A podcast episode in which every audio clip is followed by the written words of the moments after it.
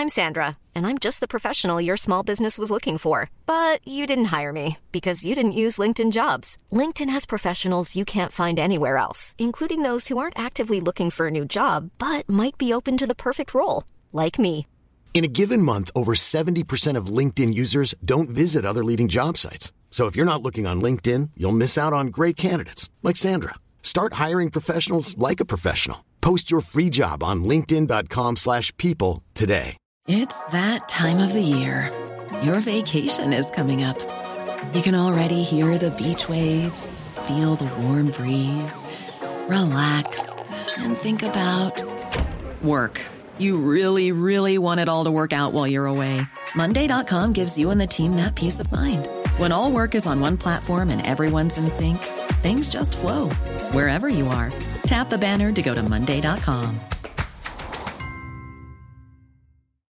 Millions of people have lost weight with personalized plans from Noom, like Evan, who can't stand salads and still lost 50 pounds.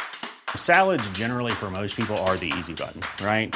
For me, that wasn't an option. I never really was a salad guy. That's just not who I am. But Noom worked for me. Get your personalized plan today at Noom.com. Real Noom user compensated to provide their story. In four weeks, the typical Noom user can expect to lose one to two pounds per week. Individual results may vary. Palmemordet avsnitt 100. Sveriges statsminister Olof Palme är död. 90 000. Ja, det är mord på Sveavägen. Hörde de säger att det är Palme som är skjuten. Mordvapnet med säkerhet är en Smith Wesson, en revolver kaliber .357. Inte ett svar. Finns inte ett svar. För jag har inget och jag har inte varit Varför skulle jag Polisen söker en man i 35 till 40-årsåldern med mörkt hår och lång mörk rock. Välkomna till avsnitt 100 av Palmemordet. Och för att fira 100 avsnitt, 100 veckor med Palmemordet, så är det här ett panelavsnitt. Och med mig i panelen idag har jag, för att representera er lyssnare, Mattias. Hej Mattias! Hej hej! Um... Hej! När började du lyssna på Palmemordet? Uh, jag var nog med för ganska, för ganska tidigt tror jag och lyssna från början. Uh, för att jag ramlade in uh, på, på att börja läsa och lyssna och titta på lite Youtube-klipp som det här ganska strax innan du började sända. Du började sända för snart två år sedan. Var det i samband med 30-årsdagen? Jag tror att det var hösten innan där som jag höll på att träna inför ett längre löplopp och lyssna på lite ljudböcker av Gunnar Wall. Det var där jag ramlade in på, blev intresserad av det. Sen så började lyssna in lite på förhören också från eh, tingsrättsförhandlingarna och blev mer och mer intresserad. Har givetvis varit intresserad av det längre än så men eh, det var som en nytändning. Så att, eh, det, sen dess är jag fast och försöker läsa allt jag kommer över. Eh, och tycker att podden är bra. Den är perfekt för mig för jag får bra tips på att läsa och alla sådana saker. Så att det, nej, men det, det har varit eh, kanonkul. Ja, vad roligt. Ja, det har lett mig in på Facebookgrupper och ja, nej men så det är kul. Så det är en liten sidohobby sådär. Inge, jag är ingen eh, privatspanar-typ så, men eh, jag tycker det är kul. Väldigt ja. intressant. Och ditt jobb idag är att hålla oss eh, nere på jorden och ställa frågorna som lyssnarna kan tänkas fråga. Men även bidra förstås om du känner att du är kunnig i något ämne. Jag kommer nog mest fråga. Och idag har vi också med oss Erik Engström. Back in business. Ja, det Som alltid. Ingen vidare presentation kanske? Jag tror de som har följt podden behöver väl inte börja presentera mig för. Annars kan jag väl bara säga att jag är eh, lite utav Dans sidekick i det här. Så att säga med att både på hemsidan och det också med fakta och hjälper till. Ja. Lite eh, ditt bollplank i, i ganska mycket. Ja. ja. Så att... Eh, eh, de som skriver på eh, sidan med Palmemordet... På Facebook? På, ja, på, på ett sidan. Eh, den andra som skriver under i Palmemordets, i Palmepoddens utlåtande förutom Dan, det är jag. Det stämmer. Ja. Du kommer också vara min sidekick den 28 februari 2018 när vi ska ha en Palmevandring med middag och barhäng för alla sponsorer på patreon.com Palmemordet. Då är Erik uppgift att följa med bakom mig och säga kom ihåg att du är dödlig. Nej, att Jag rättar till. säga, rätta alla fel jag gör. Vi övade på det där igår och vi upptäckte att eh, ja, det är många detaljer i Palmemordningen så att det kan behövas. Med oss idag har vi också Sven-Åke. Hej Sven-Åke! Hej Dan, hej! Hej! Och du var med i förra panelavsnittet. Ja, det fick jag förmånen att vara ja. Ja, hur vill du presentera dig den här gången? Ja, jag är 55 år och ursprungligen ifrån Östergötland, Motala då. Jag är uppväxt där. Men Ja. jag bor numera i Vetlanda. Och har ju varit med från början då. Jag var 24 år när mordet hände då. Ja. Så att jag var intresserad ända från början. Sen går det ju i vågor naturligtvis då, genom åren då man har följt o- olika granskningsprogram och så. Så det har gått lite vågor men det har funnits med hela tiden kan man säga. Och du driver också en Facebook-sida om Palmemordet. Driver och driver vet jag inte men jag, Är Ansvarig. ja, jag fick vara med och starta upp då. Ja. Vad heter den? Studio Palmemordet. Ja. Rekommenderas varmt för de som vill prata mer om Palmemordet på Facebook. Eh, jag tänkte att vi skulle börja dagens övning med att gå igenom lite vad de här 100 avsnitten har handlat om. Eh, och så här, komma ihåg alla de här. Jag vet inte hur många timmar det är för avsnitten varierar rätt mycket i längd. Men jag började ju inför 30-årsdagen och tänkte att så här, vid 30-årsdagen kan det dyka upp intresse. Eh, och ja, började med Olof Palmes sista dag i livet, körde skotten på Sveavägen och sen gick jag in på ögonvittnen. Det här avsnittet Skotten på Sveavägen har haft en jättemärklig bugg på iTunes. Så att ungefär 3%, det är det mest lyssnade avsnittet, själva avsnitt 3. Men ungefär 3% av lyssnarna har inte kunnat höra det. På, ja, utan eh, men det, men det funkar på Youtube har jag för mig va? Ja precis, det är en av anledningarna att jag lägger upp alla avsnitt av Palmemordet på Youtube. Så gå till Youtube, prenumerera på Youtube-kanalen Palmemordet. Kan ha sagt det tidigare. Körde ögonvittnen en sväng och sen var det första spåret var Christer A. Några spontana reflektioner om Christer A från någon? Det var det första som jag lyssnade på. Ja. Sven-Åke alltså här. ja. Eh, och det var väldigt bra program tycker jag. Det var, mm, så jag blev invigd direkt i, i din podd Dan. Ja. Så, sen har jag följt med Ja, ja. avsnitt per avsnitt. Så. ja. Men det var, det var väldigt bra program tycker jag kring, kring Christer Andersson där. Tack för det. Jag är böjd att hålla med där. Det är ju, och det är ju någonting som, det, det var ju otroligt mycket för mig i alla fall, väldigt mycket ny information som dök upp där runt omkring. För jag har egentligen mest följt, man har följt det som har stått i tidningar och, och sånt. Och, och han har väl växt fram också lite som en gubben i lådan med den som är populär hos de som tror på ensamma gärningsmän och sådär. Så att, nej, men där finns det mycket intressant kvar. Det var ett bra avsnitt. Jag hade ju väntat mig att kunna göra Christer A del 4 men det har ju inte kommit någon mer information. Jag hade verkligen tänkt att det, är så här, men det här finns ju mera som går att gräva fram eller Paul Smith kommer hitta någonting. Eller... Men eh, nej. Han är ju en enormt intressant människa på grund utav att vi vet för lite om hans eh, personliga liv. Ja. Och det är det, det som, då är ju mus, eh, alltså, mystiken runt han blir ju fascinerande. Ja. I och med att vi, han har, har han inga kompisar, pratar han inte med någon, sitter han eh, hemma och eh, eh, använda pistolen till, till att skjuta sönder TVn. Liksom. Men, eh, men, äh, men han är spännande som karaktär oavsett om han hade varit någonting med det här att göra eller inte så är han eh, nej, mystisk. Liksom, skulle man göra en film om Palmemordet där man skulle kunna... Eh, alltså en, en fiktion. Eh, där man skulle ha en ensam mördare alltså i den här fiktionen. Så skulle han ju vara en perfekt karaktär att göra en film runt. Skulle inte bli en väldigt tråkig film. Som en film av Viktor Gunnarsson skulle bli full av intressanta interaktioner. Christer Pettersson hänger med sina alkispolare.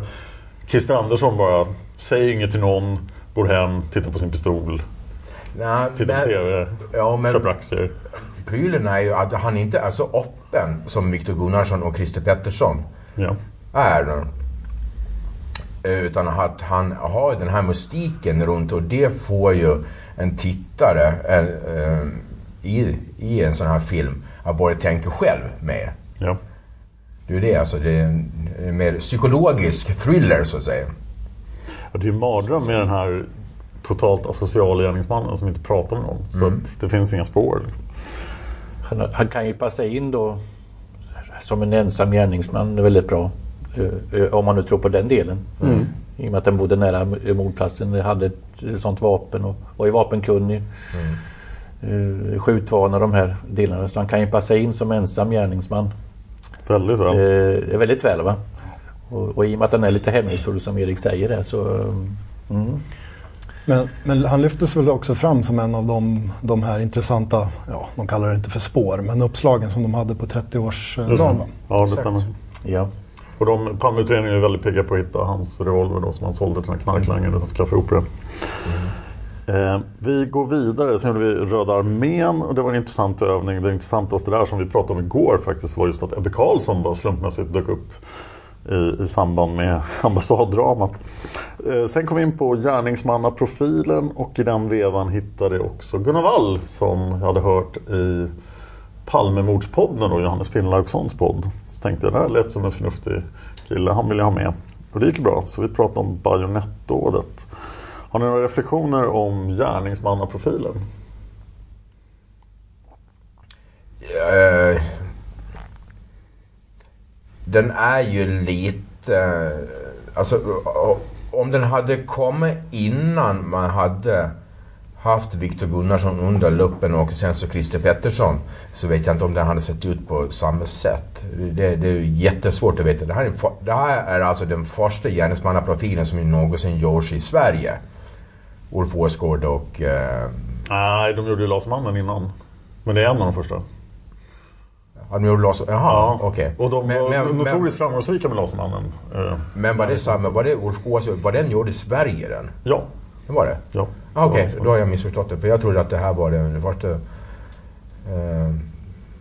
Nu blir jag osäker, jag måste kolla upp det här innan jag släpper avsnittet. Men jo, jag är ganska säker på att det anledningen att de gjorde den var just att det hade gått så bra med Lasermannen. Och de hade etablerat den här men, tron på gärningsmannaprofilen. Men den känns ju lite som att den också är influerad just på grund av det som har hänt innan. Så jag undrar hur, hur öppen de kan vara för någonting annat när de ska göra den här uh, gärningsmannaprofilen i och med att det, har, det enda som har varit i konspiration utåt har varit PKK.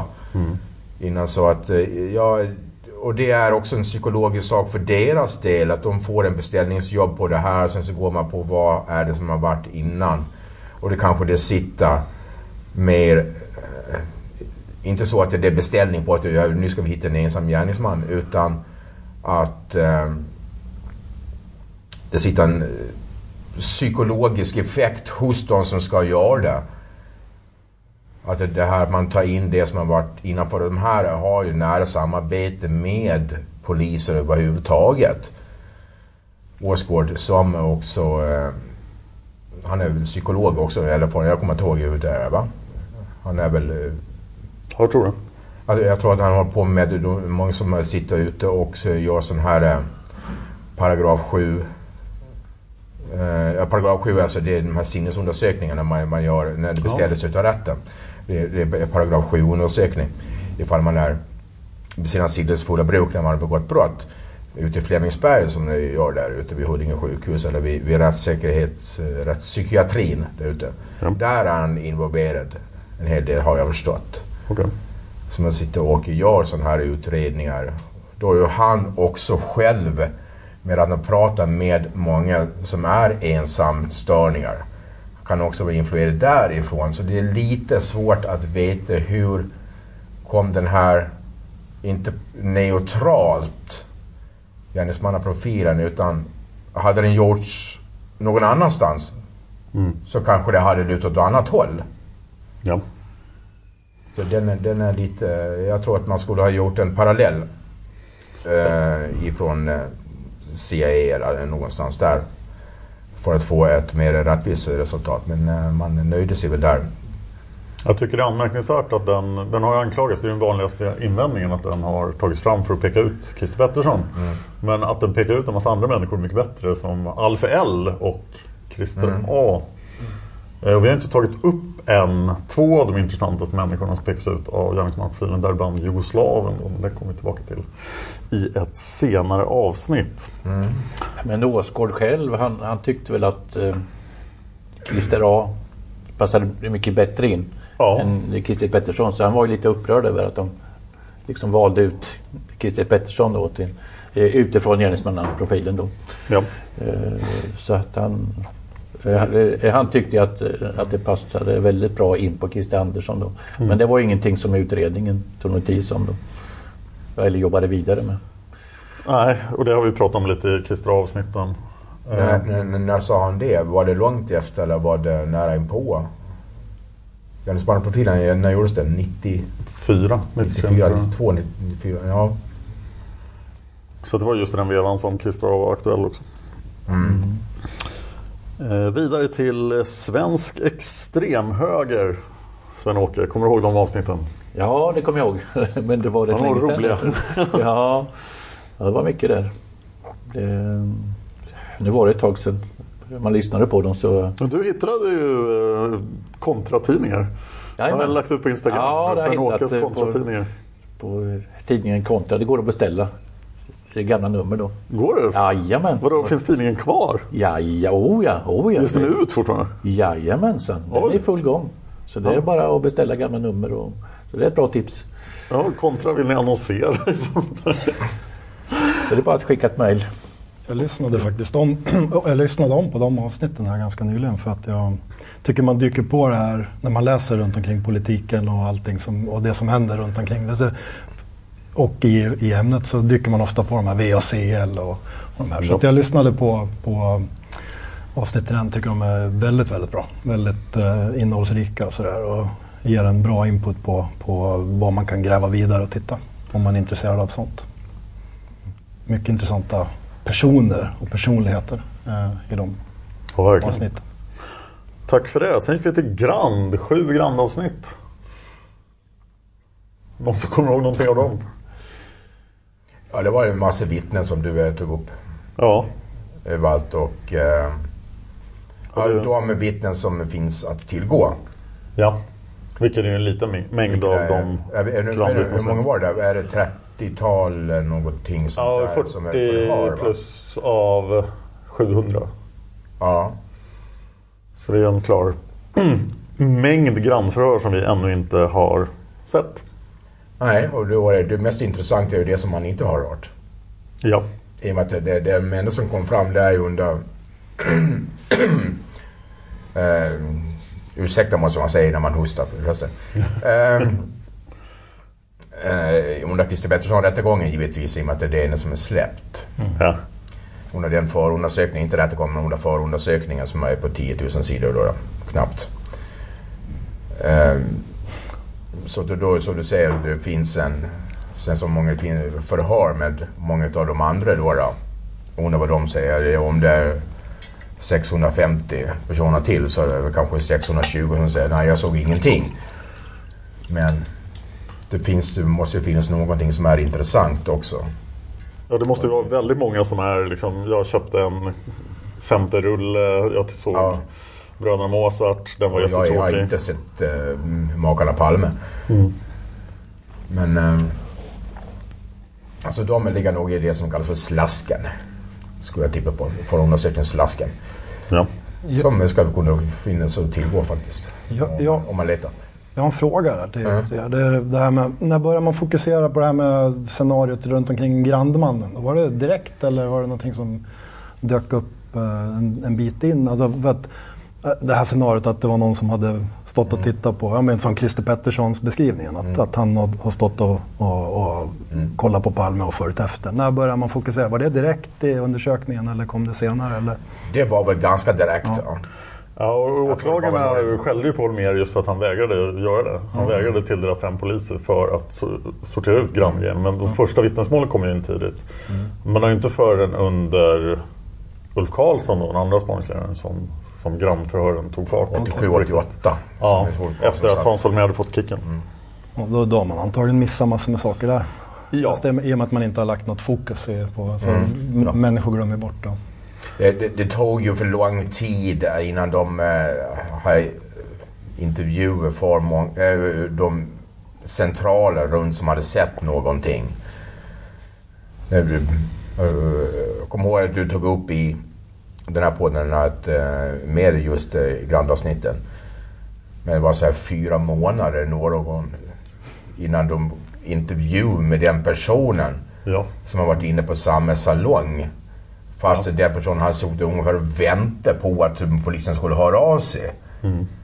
Och då kan man tänka sig, jaha, okej, Viktor Gunnarsson var på tapeten. Uh, Hans Holmér så, såg bara kuddar överallt. Uh, Utom program. utom på Grand. Ja, han ville faktiskt eh, försöka få eh, att eh, han som stod i... eh, han och Ebbe Karlsson, eh, den här eh, som Mårten Palme Ja.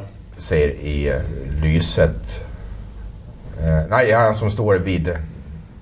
Ja, ni vet. Eh, Skyltfönstret. Skyltfönstret, precis. Får det till att det var en kurd. Eh, roligt var... Jag, jag måste nästan ta upp det här för det här är jäkligt, jäkligt skoj faktiskt. Ja. För att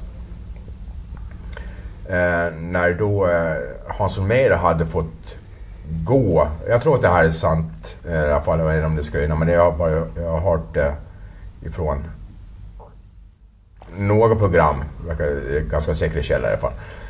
Med att de var en person som de eh, enligt signalement i och med att eh, ansiktssignalement skulle kunna stämma in på den här personen, den här kurden som bodde i Malmö. Och då eh, hade de tänkt att om det här, han ska vi kolla upp. Så de åkte ju ner till Malmö då efter att ha, även när, när de eh, körde sina privatsaker då. då. Ja. Vad de hade missat det var ju ungefär vad hade han... De hade ju inte kollat någon alibi, de hade inte kollat någonting. De hade bara sett ansikte på personen. Mm. När de kom och kollade den här personen så hade han hade spelat fotboll, fast det är jättekallt ute, men de kanske tyckte om det. Eh, under tiden sen så hade han stått på några av de här eh, stora torgen som är, jag kommer vad de heter nere i Malmö. Och sålt eh, frukt och grejer. Så han hade ungefär så här 300 alibi. Alibi-vittnen. Han satt i husarrest. Eh, alltså kommunarrest hette det på den tiden. Ja. Terrorlagen. Terrorlagen, kommunarrest. Eh, men att han skulle, säger de han skulle kunna ha hunnit till Stockholm och tillbaka. Men den mest centrala saken som de miste när de träffade på honom var det, det att hade inte kollat hur lång han var. Han var 1,60. Så det stämde liksom inte in på fem öre. Oj. Det är, det är kanske så som Hans Holmér arbetar som polis utan att kolla upp allt för mycket. Inte vet jag. Sann eller inte, jag tror att den är sann. ja, det var bra. Eh, sen kom vi in på ditt ämne Sven-Åke. Ditt favoritämne. Skandiamannen. Jag vet inte om, jag, eh, om det är mitt eh, favoritämne direkt men jag tycker han är en mycket intressant person. Och det är så mycket kring honom eh, som gör det intressant. Och vi det ska nog inte ta upp honom mer än så här. För vi ska besvara frågor om honom senare också. Eh, mötesscenariot pratar vi med Gunnar Wall. Och sen dök Erik upp för första gången i avsnitt 41. Misstänkta vittnen. vi Ja just det, det var Alf. Ja, och eh, ja, Alf pratade vi om i princip. Så Och eh, Lars. Ja, Lars J. Pratar vi också. Precis. Det går där. det gjorde du så bra att du fick komma tillbaka. Sen var det dags för Harvard-affären. Mm. Eh, och sen kom Alla ögonvittnena plus Lisbeth-serien då. Och sen fick Erik komma tillbaka igen och prata Försvarsskytteföreningen i avsnitt 51 och 52. Mm. Några reflektioner runt Försvarsskytteföreningen? Ja, det är väl till er då. då. Jag har ju använt två program. Några reflektioner. Mattias? Nej, det, var- det, var, det var intressant att se vilka, vilka band som finns mellan de här intressanta personerna i, som sen leder in i polisspår och sådär. Så att, nej men det var... Eh, det var en två, tre avsnitt va? Två. Två Ja. avsnitt var det. Ja, nej men det var ju genomgående och bra avsnitt som alltid. Så att eh, jag har inget mer specifikt än så. Nej, sen avslutar jag ögonvittnes... Eh, ehm. Vad man ska komma ihåg, eh, det är, som är värt att ta upp igen när man pratar om, för det här kan folk lätt glömma bort lite, att de två listorna som finns vid Försvarsskytteföreningen, vi vet inte om, om den fanns 1986 eller hur den såg ut 1986. För de två listorna som finns är 87 eh, 87 07 31 och 89 12 31. Va? Ja. De, och de eh, bägge, eh, den från 87 den hittas hemma vid eh, polismans A tillslaget som tullkriminalen gjorde. Just det. Det är därför, annars hade det aldrig listan funnits. Överhuvudtaget. Så det är en egen upptagning på de här 18... Ja, jag kommer inte på vad de, vad de blev. Ah, ja. Den första i alla fall. 17, 18 någonstans. Nej, ja, hur var det? Var det, var Det är det en 12 på första 18 på den? Nu var det 12. första listan är ännu färre. Mm. Men det är den alltså. Det, Ja.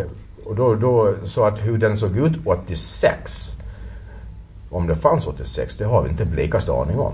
Nej, det vet jag inte. Så att man ska inte, när man säger att eh, Sonny Björk och eh, han som vi kan väl kanske kalla här för riksdagsledamoten, ska vi kalla honom för så? Anti-A kan vi säga. Anti-A kan vi också säga, till exempel med där. Men det är först 89 som det finns uppgifter på Ja. hur det var innan. Det, det, det här måste folk försöka att hålla isär Ja. lite. Att eh, du senare lagde uppgifter så att de, att vad de hade för band 1986 till varandra Ja. är svårt att veta alltså.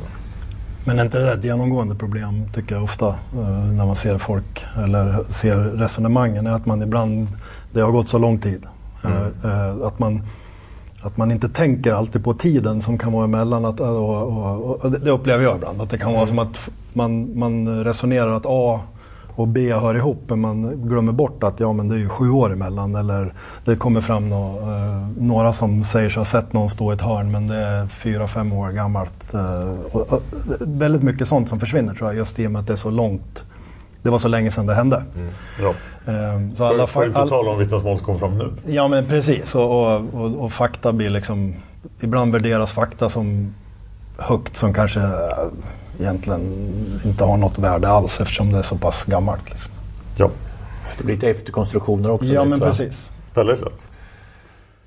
Eh, Och det är väl en tanke också med den här podden att jag ska kunna, eller tillsammans med er också, att eh, reda ut myter. Och eh, se till att klargöra vissa saker. Som jag tyckte hände i ögonvittnens sammanfattning, alltså avsnitt 63. Men nu tänkte jag prata om avsnitt 64 till 66 som var serien om Alf E. Och eh, det här märktes väldigt mycket att jag hade börjat göra seriemördarpodden för att Alf E-avsnitten kändes som att göra seriemördarpodden. Inte för att Alf E var en seriemördare, men för att det var en historia man kunde berätta från början till slut. Eh, ja, har ni några reflektioner på den gode Alf som ju tyckte väldigt illa om Palme? Sammanfatta snabbt, en intelligent människa som, eh, intelligent människa som spårar ur. Ja, det är nog en ganska bra sammanfattning. Eh, sen dök Lars Borgnäs upp här i fyra avsnitt och pratade walkie-talkies. Och det var ju helt fantastiskt att eh, faktiskt i lokalen vi sitter i idag hos Agikal som är ett litet IT-företag som har bidragit med dagens lokal. Och eh, det gjorde de även då. Och Lars Borgnäs är väl den ultimata auktoriteten i princip på de här walkie-talkie-observationerna. Så att mm det var en väldigt, väldigt privilegium att ha med honom.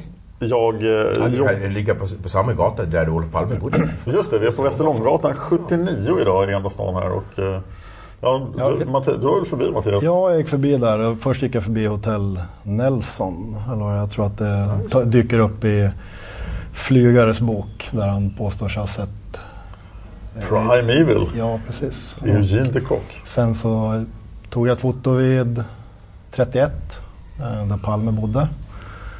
folk fnissade lite när jag gick förbi där och såg att jag stod och fotade. Men um, jag har säkert sett det förut att folk har stått där och fotat. Men en grej som slog mig bara, uh, och det, det sa till, till Dan här innan, det är att det finns väl uppgifter om att det ska ha stått folk i porten mitt emot. Ja.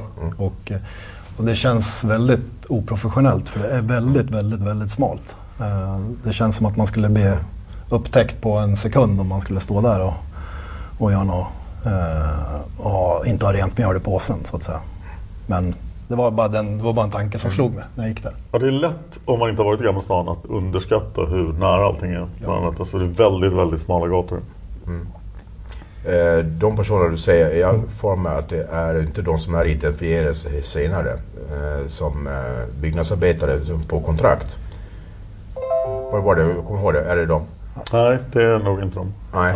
Nej, jag, jag, jag tänker på det. Eh, Lisbeth har väl sagt det. Alltså, ja. att hon har sett, ja det kanske var. Då, då är det, ja, nej, men för då faller ju den, för den idén mm. bara att någon skulle stå där känns mm. konstig. Så att, uh. Det var en uh, sydeuropeer eller om det var en uh, nordafrikaner uh, som hade gjort arbetet. Men de var i alla fall, två stycken är identifierade. Men om det var de just där eller om det var någon som uh, någon annan hade sett längs vägen. Kommer ihåg. Men det, det, ja. det är två stycken som är identifierade som eh, byggnadsarbetare ja. och det är helt klart i alla fall. Var det de som jobbar i galleriet? Eller? Som sagt, jag är lite osäker på ja. vilka. Där jag bara slog mig att det var två stycken som var det i alla fall. För jag tänker på de här två männen som, eh, som eh, Lisbeth Sand tycker att de ser på brottsplatsen. Och de är inte identifierade. De som hon... Det första hon säger. Ja. Men det är ju de som hon säger är precis det som Mattias säger, är att uh, påminna om de två som, som stod mitt emot. Men uh, vilket du då kan kanske utesluta det som jag just nu försökte säga, att det var två byggnadsarbetare.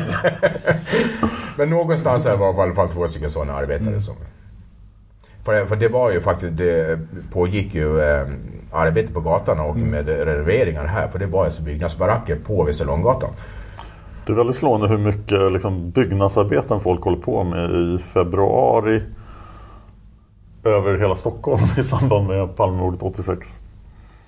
Lämpligt tillfälle är ju faktiskt att kanske kunna göra det just under lite av sådana arbeten när det är sportlovsvecka. Ja, förstås.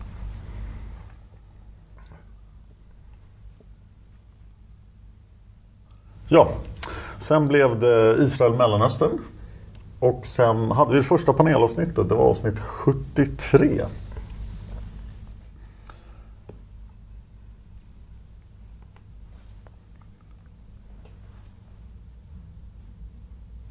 Mm. Mm-hmm.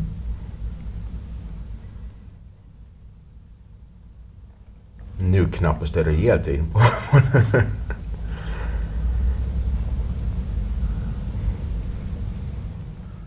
Ja.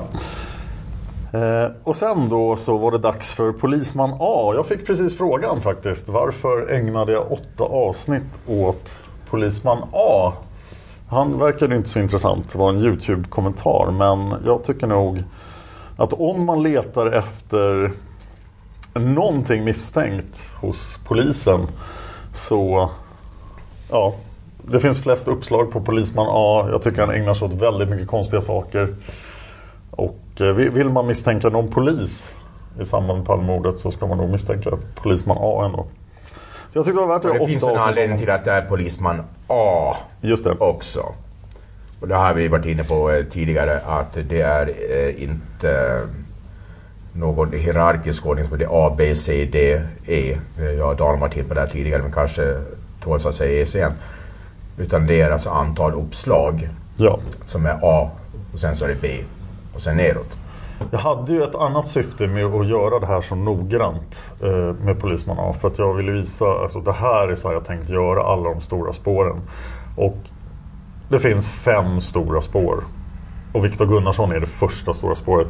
Men ett annat stort spår är polisspåret. Jag vet att polisspåret är otroligt populärt. Och det här är liksom den detaljnivå jag tänkte ägna åt. Åt alla de stora spåren. Så att det kommer bli ett antal avsnitt även om Christer Pettersson, om PKK, om Sydafrika. Eh, och om Viktor som ju faktiskt har påbörjats. Polisman A, han var ju starkt misstänkt. Alltså, mm, man valde ju egentligen i, mellan Christer Pettersson och mm, polisman A. Eh, men man valde Christer Pettersson. Så var det. Han ser lite fundersam ut, Erik. Men, men eh, så var det. Han, han, var väldigt starkt misstänkt då. För att det var så mycket kring honom. Och det var Palmehatet och det var den här vapenhandeln och ja, där de hittade i hans lägenhet som vi kommer till senare då. Eh, ja, eh, Polisman A del 4 kan man ta del på vad som hände i hans lägenhet. Ja, det var ganska långt gånget som jag förstått det. Att man mm. eh, skulle gå vidare med honom då. Men man valde, det har Ulvebo sagt själv, att man valde Christer Pettersson. Och det är ju väldigt märkligt då att man inte backar tillbaka bandet sen utan då, då släpper man det. Så att eh, så var det. Ja. Vad jag nog eh, kan eh, säga innan Mattias ska få vi har en kommentar på det också. Jag tror att det är lite av missförstånd när många säger att han inte är utredd. Han är faktiskt rejält utredd utav polisen. Ja. Mycket mer än vad folk tror att han är. Med bakgrund och allting.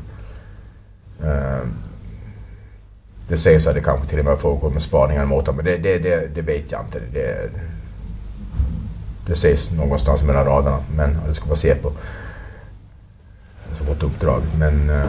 Det är ju det jag menar, att det var väldigt mycket förhör. Ingående förhör. För man tyckte att det fanns så mycket.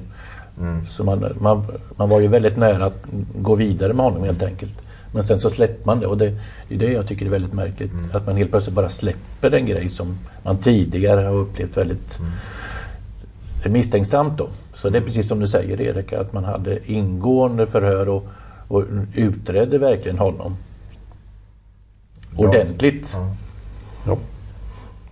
Nej, han är ju otroligt intressant. Alltså, så han är, jag tänker så här med honom att eh, det verkar ju som vad man än läser så, så, så kommer man ju tillbaks till, till han på något sätt. Alltså, det är många saker som leder dit. Jag tänker, är det, är det på något sätt att det är flera inblandade så tror jag att det, han har säkert någon typ av vetskap runt omkring i ämnet. Det tror jag. Eh, det är bara en sån känsla jag har. Eh, men givetvis, jag tror min spontana tanke, det är det som Erik säger. Han verkar ju vara väldigt väl utredd och har ganska bra alibin och sådär. Så att det är svårt att sätta honom på, det är svårt att sätta ner honom på Tunnelgatan kanske.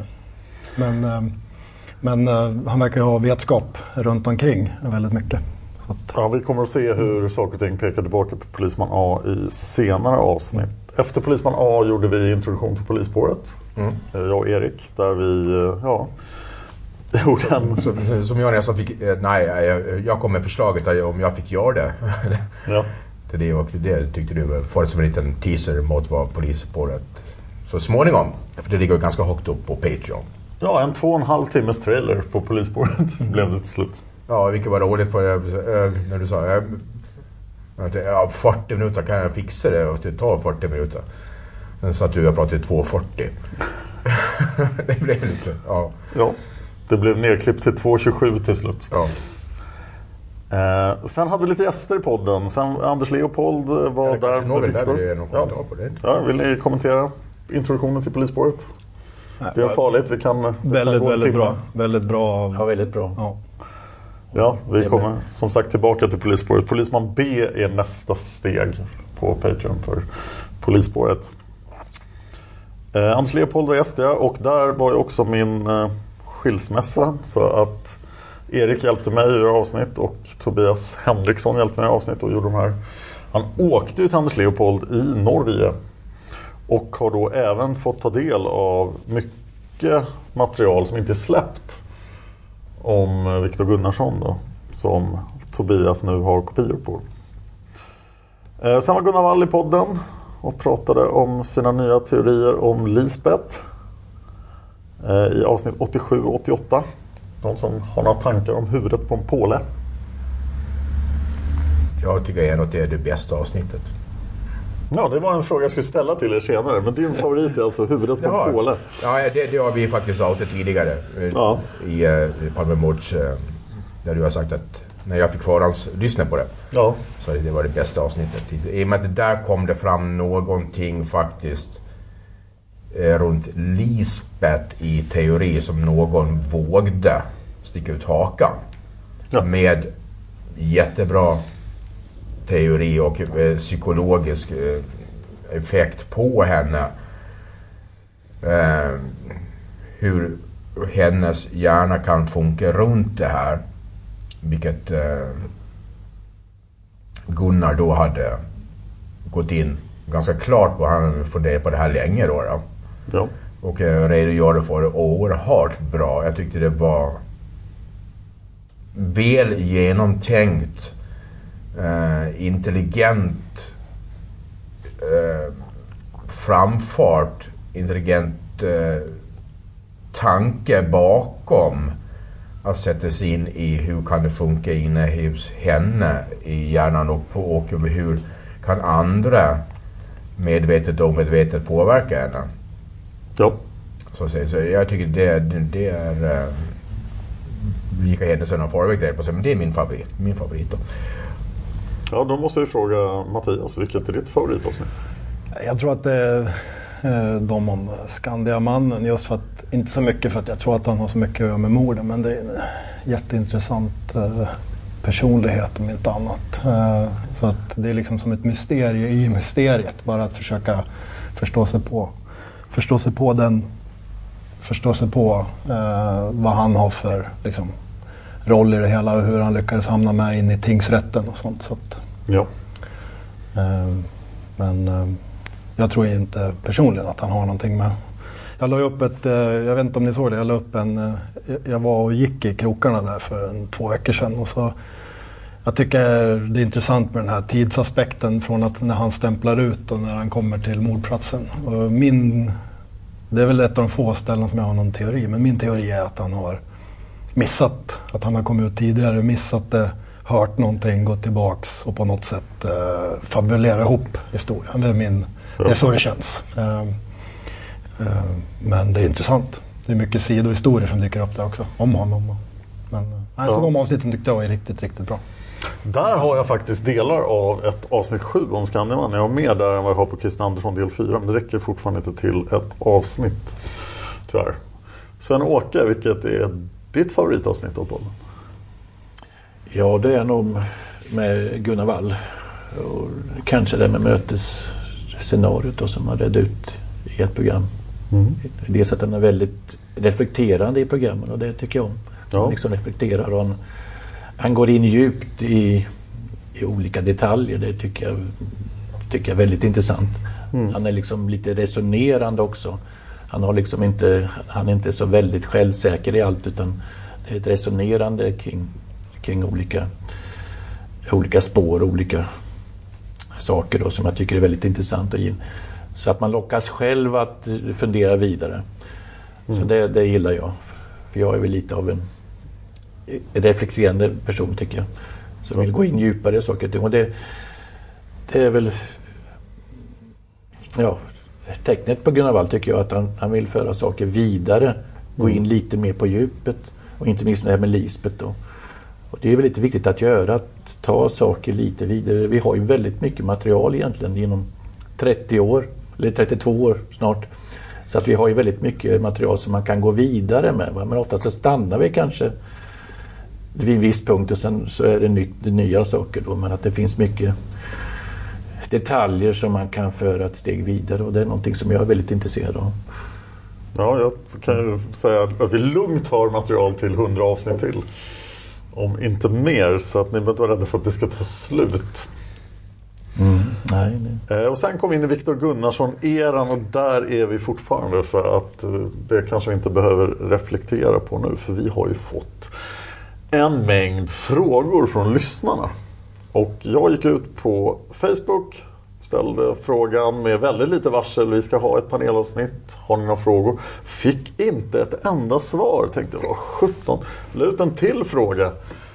Eh, och fick väldigt många svar, eller väldigt många frågor då från lyssnarna. Så de tänkte jag att vi skulle försöka gå igenom i tur och ordning. Alla som har frågat någonting ska få någon form av svar här. Och så kommer jag även att göra inför kommande panelavsnitt. Kanske vi gör det på Patreon men eh, nu var det på Facebook. Och Erik, har- du har en lista på frågorna? Ja, det, dig, har jag. den nog framför dig. Jag tänker. Det, det, det är du som är Jag har den inte framför mig. Nej. Ja, jag håller på att ta fram en aktuell. Ja. Då ställer jag frågorna så får ni svara på dem.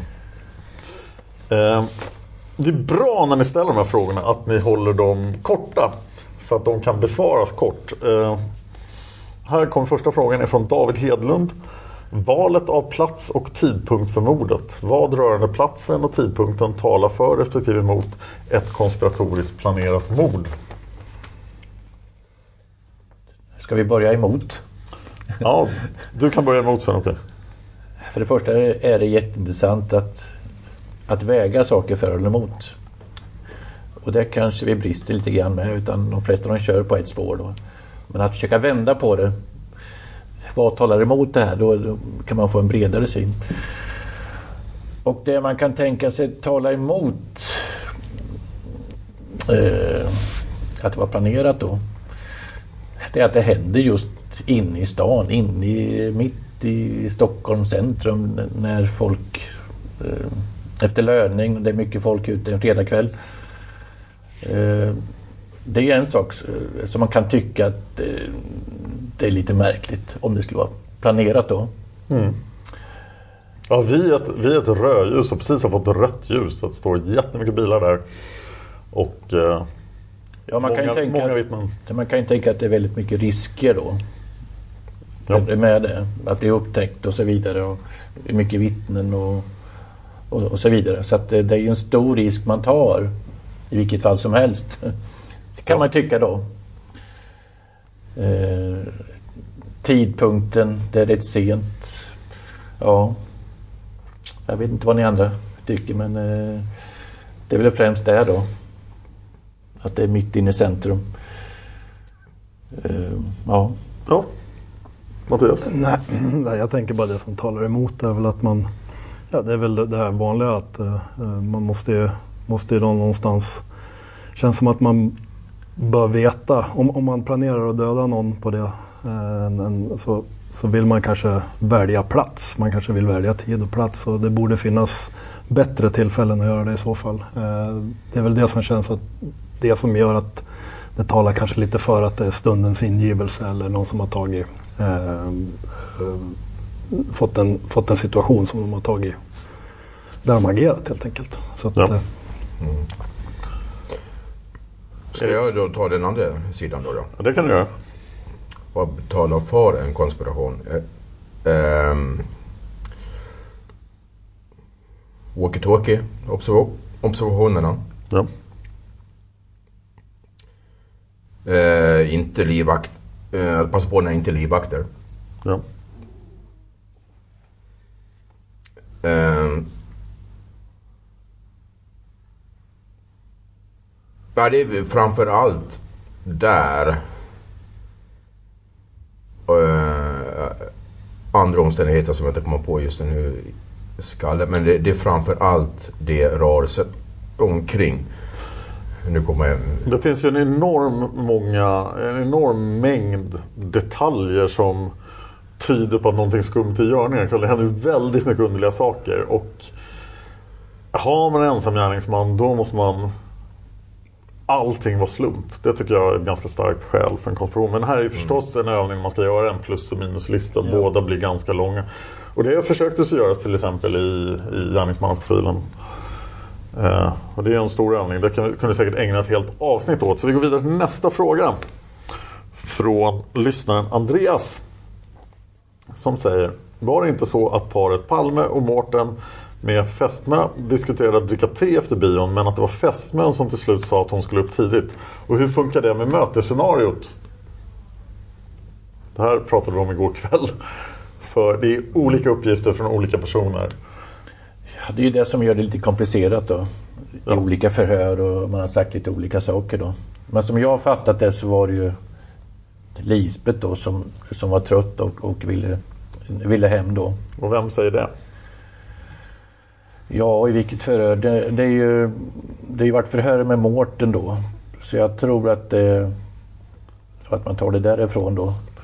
Vad Mårten har, har, har sagt då. Att han, att, att, att han vill ju dricka te. Eh, Det var han som gav förslaget att de skulle hem och dricka te. Men då, då säger Lisbeth att det är sent. Så att Olof var öppen för det. Men, men att det var Lisbeth som, som tyckte att det var sent och vi behöver gå hem. Eh, Ja, ja, eller att vi behöver åka hem. Då. Rättar jag till det där med att säga Mårtens absolut första uppgift ifall det är med ute i media. Det var ju faktiskt så att det var Olof som ville sträcka på benen och fortsätta gå hem. Istället för att dricka te. Och det, jag Ja, kommer men så för jag fick- oerhört väl ihåg det här för det var bara en mm. dagar efteråt. Mm. Eh, Men får jag flika in en liten vinkel på Ja. det? Ja.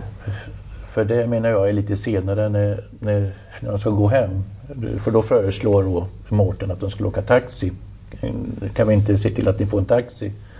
Och då säger Olof, nej men jag vill gärna sträcka på benen. Jag behöver känna att vi har suttit mycket idag. så kan det vara. Ja. Ja, Fast han har spelat tennis så att det är olika delar där. Jag tror det är lite senare skede. Mm. När de väl har bestämt sig för att de, de, ska, de ska skiljas åt. Mm. Och då säger Mårten, kan vi inte fixa en taxi? Ja. Eller Då då var det, ja, ja.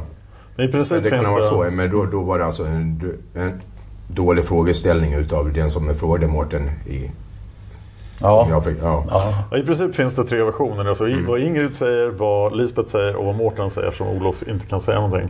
Och i de här versionerna så är det lite olika. Mårten vill alltid dricka te. Palme har olika åsikter och Ingrid och Lisbeth vill inte dricka te i de flesta fallen. Om jag har förstått diskussionen igår rätt. Har jag rätt Erik? Det låter rätt. Ja. Ja, och eh, jag kan ju se, alltså om man är Olof Palme som är en mästerdiplomat och har sysslat med underrättelsetjänst jättemycket. Om man verkligen vill ha ett mötesscenario här och han vill lura bort alla tedrickare från te, då kan han göra det. Tror jag. jag tror han kan säga rätt saker här för att ingen ska vilja, Mårten och Ingrid ska följa med honom till hans hemliga möte. Om det nu finns ett hemligt möte. Så jag tycker inte det här är ett argument mot mötesscenariot. Nej, håller med. Eh, Vi går vidare till en fråga från Johan. Eh, sambandet mellan raderandet av Palmes överklagan i länsrättet och mordet. Exakt samma dag raderas Palme både illustrativt och fysiskt. Vad är oddsen på det? Det har inget samband med varandra. Om det är så att det är en konspiration, är det planerat. Då har ju det här med Harvard absolut ingen, ingen, eh, har ingen nytta. För då spelar det ingen roll. Ska han ändå bort så spelar det ingen roll. Ja, då spelar det ingen roll om han blir fälld i, i länsrätten. Nej. Om han så, är död. så där, eh, det enda som skulle kunna vara sambandet det är att ha dokumenten bara för att få till ett möte. Det skulle kunna vara det ena sambandet. Att försöka lura till ett möte med Ja. just de här dokumenten. Men någonstans måste jag ändå säga, han har väl kanske en, en advokat som har kopia på det. Det måste han väl ändå ha någonstans. Ja, för det är möjligt att han inte kände till det. Nej, det fanns ju... det, det, här är, det här är originalhandlingarna i IBC Mm. som är inne då. För det var ju både fysiskt och digitalt som eh, det värderades så vitt jag har förstått. Va? Och det, det tar vi upp ganska väl i de här avsnitten om Harvard-affären. Ni har dock kommit över lite nya handlingar om Harvard-affären faktiskt. Så att jag funderar på att göra Harvard-affären del 3. Men jag vet inte riktigt om det räcker till ett avsnitt. Än. Som enskild sak så kan man ju svara nej direkt. Eh, problemet är ju bara att det är så mycket sådana här saker som är tillfälligheter då. Som, som, som man tycker är väldigt märkligt. Det är ju... Så att, eh, ja. Nej, men, Odd, oddsen måste ju vara mikroskopiska. Att det ska, Mm. nej, precis. Eller höga. Nej, Att det ska, det, att det ska vara att, att det, Att det ska hända av en slump samtidigt. Men samtidigt så om man tittar på hela, hela brott, eller allting som har hänt runt omkring och hur många saker som du säger och som är, det händer massor med konstiga saker runt omkring. Ja, ja. Vi, låt säga att vi får svaret på imorgon på vad som har hänt så är det ju massor av de sakerna som kommer att antagligen inte ha någonting med det att nej, göra. nej, Nej, nej, Men det måste nej, det och, så att... Ja, nej men man har ju man har en tendens till varje liten grej man ser. Ja men det måste ha med Ja, det här jajamän. Ja men han har en lägenhet där. Ja men då måste det ha någonting. Men det är massor av de där sakerna som inte kommer att spela någon roll om svaret kommer fram. Vad roligt det skulle vara om svaret går fram och allting var relevant. Ja. ja, men alltså ställer ja, frågan det, här. det var ju roligt för en viss konspirationsteoretiker var det ju jätteskoj som ville ta in precis allting mellan himmel och jord Ja. i sin lång, långa stora bok. Ni vet vad jag pratar om, ni som är insatta. Mm. Med ett visst danskt eh, klingande efternamn. Men det som frågeställaren här, Johan eh, Svensson då är lite inne på det att det skulle vara någon slags symbolisk eh, sak då, att man räddar ut, eh, raderar ut den här överklagan då. Sen, sen Ja. det, det skulle vara i så fall någonting sånt då. Liksom inte att det hade, att det hade någon mening i, i, i konspirationen men, men att det var någon symbolik i det hela i så fall. Det gör, Vilket, vilket onödigt risktagande måste jag säga. Ja, ja, ja precis. Jo, men det är väl det som frågeställaren eh, frågar om så att säga. Om det Mm, mm, symbolik i det hela. Det som fick mig mest att haja till där, det var väl att visst fanns det någon person som jobbade där som hade någon eh, stuga som hade någon relation till Meck, Harry Meck. Ja, det var ju Sigge, Ja. Sigges Ja, gamla precis. flickvän, Ja. Annie F. Ja, och som, det är ju eh, liksom... Mm. Vars stuga användes som eh, ja, möteslokal för glada människor i Sigges bekantskapskrets. Ja, det var väldigt kalas. intressant. Nästa fråga kommer från Lena Holm och hon ställer två frågor och den ena ska besvara omedelbart. Finns det en hund begraven vad gäller mordet på Viktor Gunnarsson? Det kommer flera avsnitt om mordet på Viktor Gunnarsson och där ska vi besvara den frågan så det lämnar jag till dess. Det, Näst- ehm, när vi spelar in det här så har det kanske sänts. Nej, Inte? nej. Nej. Bara... Nästa fråga Ja. eh, från Lena. Har panelen läst boken Kamrat 357 och vad tyckte panelen? Jag har inte läst den. Jag, Jag har inte läst den. Jag har läst den. Jag tycker att den är ganska intressant. Eh, Det är en ganska intressant teori. Den faller på eh, två saker skulle jag säga. Den ena är hur de skaffar sig... Det är en, den, den bygger på en liten konspiration, två till tre personer. Eh, Okej. Eh, Den, den faller lite, och det är ganska trovärdigt uppbyggd tycker jag, historien runt omkring. En läsvärd historia skulle jag säga. Men den faller, tycker jag, på hur de skaffar sig alibi. Eh, och eh, sen också lite hur den, hur den slutar, eh, skulle jag vilja säga. Men eh, en underhållande bok. Men vill man läsa en roman om Palmemordet så tycker jag nog att eh, Nätterna på Mon Cherie är en bättre. Okej. Som eh, handlar om Viktor Gunnarsson. Ja. Skriver ni i du-form eller? Ja, en fanta- Andra den, person? den är väldigt eh, intressant skriven är den. Ja. Faktiskt. Jag, men jag gillar den. Var det någon mer som hade läst Kamrat 357? Jag har inte läst den. Nej, jag har bara ljudbok men jag, jag, eh, allvarligt jag försökte ta allting på en gång men jag, jag tror jag somnade de sista timmarna så jag kom inte igenom allting allvarligt talat. Nästa fråga är från Anders Ydstedt som frågar eh, Jag läste Inuti labyrinten när den kom. Är det värd att läsa om idag? Jag svarar ja på den frågan. Mm. Flera svar? Ja, det kan man nog Ja. säga. Det är en av tungviktsböckerna kan man väl säga. Jag säger för att bara läses eh, var femte år någonting sånt där. Bara får jag stänga ut med någonting. Bara för att friska upp detaljminne. Pontus Kristensson frågar Hur Det finns även som ljudbok om, det, den, om den går att få tag på. Men det, den finns. Jävligt tråkig att läsa den men ändå. Det är två. Det beror nog på att det är en talbok för synskadade tror jag som har läckt ut på Är så där? Jaha, Piratbukten och den är avsiktligt tråkigt inläst som talböcker görs för synskadade för att de synskadade själva ska få använda sin fantasi. För jag har nämligen sätt. Ja, några av mina böcker har också blivit inlästa som talböcker. Så därför vet jag det. Pontus Kristensson frågar Hur rekryterades personal till Televerket Radio på den tiden? Vem anställde på vilka premisser? Var det vanligt med korta inhopp av olika poliser? Tror man på en konspiration, vilket jag gör, så bör detta vara en intressant ände att börja nysta i. Vad säger panelen? Blir det jag då? Ja, nej, men det är, det är också sån här sammanträffande. alltså, så, så man kan tycka att det är tillfälligheter. Då. Jag är väl inne på att det, det är för mycket tillfälligheter här. Eh, det är polisman G som, som fick en... Eller har, har jag fel? Eh, poli, polisman A rekryterades i Televerket Radio. Ja. Och, eh, Major G. Ja, ja, ja. Major G. Så var det. Och det var ju under en väldigt kort period, precis i samband med mordet. Och eh, jag kan tycka att det är lite... Men eh, det var inte det som var frågan egentligen. Men, men, men eh, hur, hur man anställer, det, det, det vet inte jag. vet Ja. inte om, om Dan har... Men du pratade om att det var säkerhetsklassat och så i något. Ja. Och, ja, det var den högsta säkerhetsklassningen. Jag kommer ihåg om det...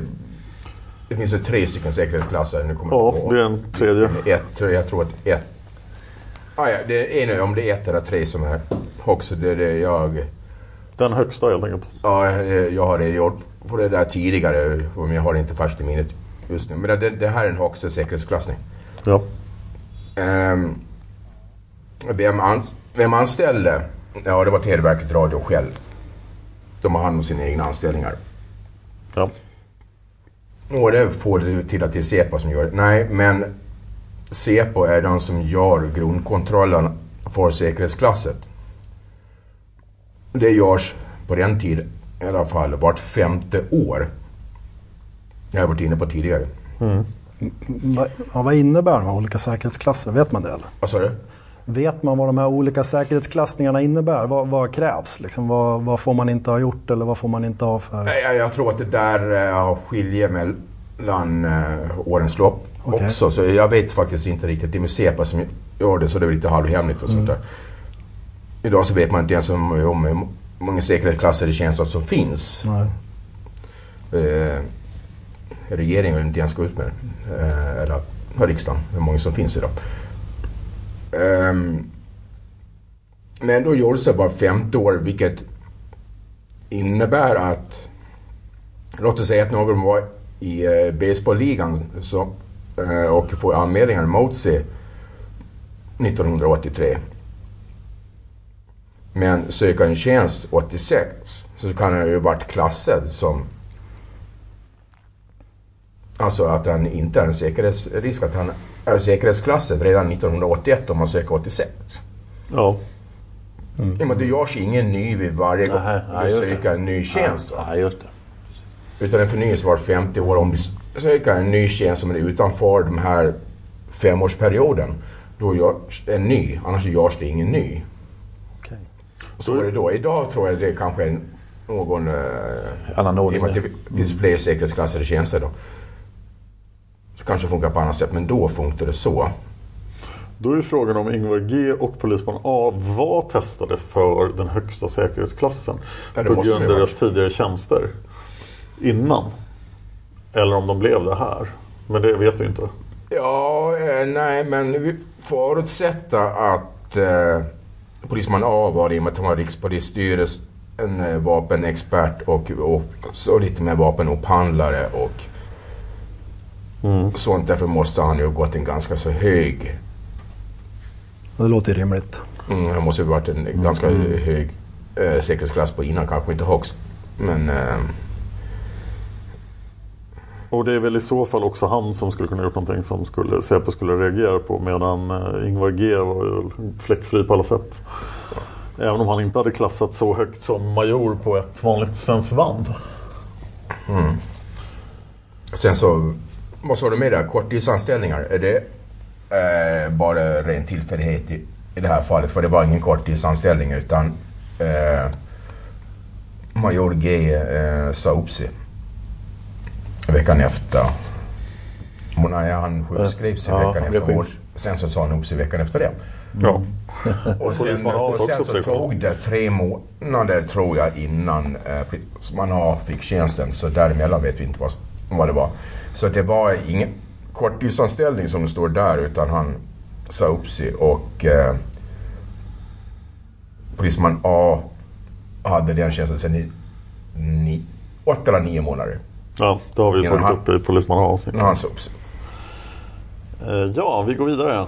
Mattias Israelsson säger Jag vill gärna höra panelen kortfattat eh, om deras tankar kring Skandiamannen. Han stör mig och önskar få ett så vettigt svar kring vad Karn spelar för roll eller inte kring mordplatsen. Och det här är ju en jättesvår fråga som jag ägnade sex avsnitt åt.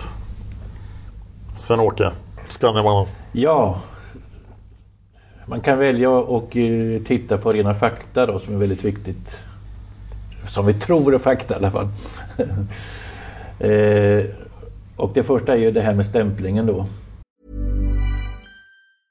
How would you like to look five years younger? In a clinical study, people that had volume added with Juvederm Voluma XC in the cheeks perceived themselves as looking five years younger at six months after treatment. Look younger, feel like you. Add volume for lift and contour in the cheeks with Juvederm Voluma XC. Reverse signs of aging by adding volume to smooth laugh lines with Juvederm Volure XC. For important safety information and to find a licensed specialist, visit juvederm.com. That's J U V E D E R M.com. Not for people with severe allergic reactions, allergies to lidocaine, or the proteins used in Juvederm. Common side effects include injection site redness, swelling, pain, tenderness, firmness, lumps, bumps, bruising, discoloration, or itching. There's a risk of unintentional injection into a blood vessel, which can cause vision abnormalities, blindness, stroke, temporary scabs, or scarring. Talk to a licensed specialist to find out if it's right for you.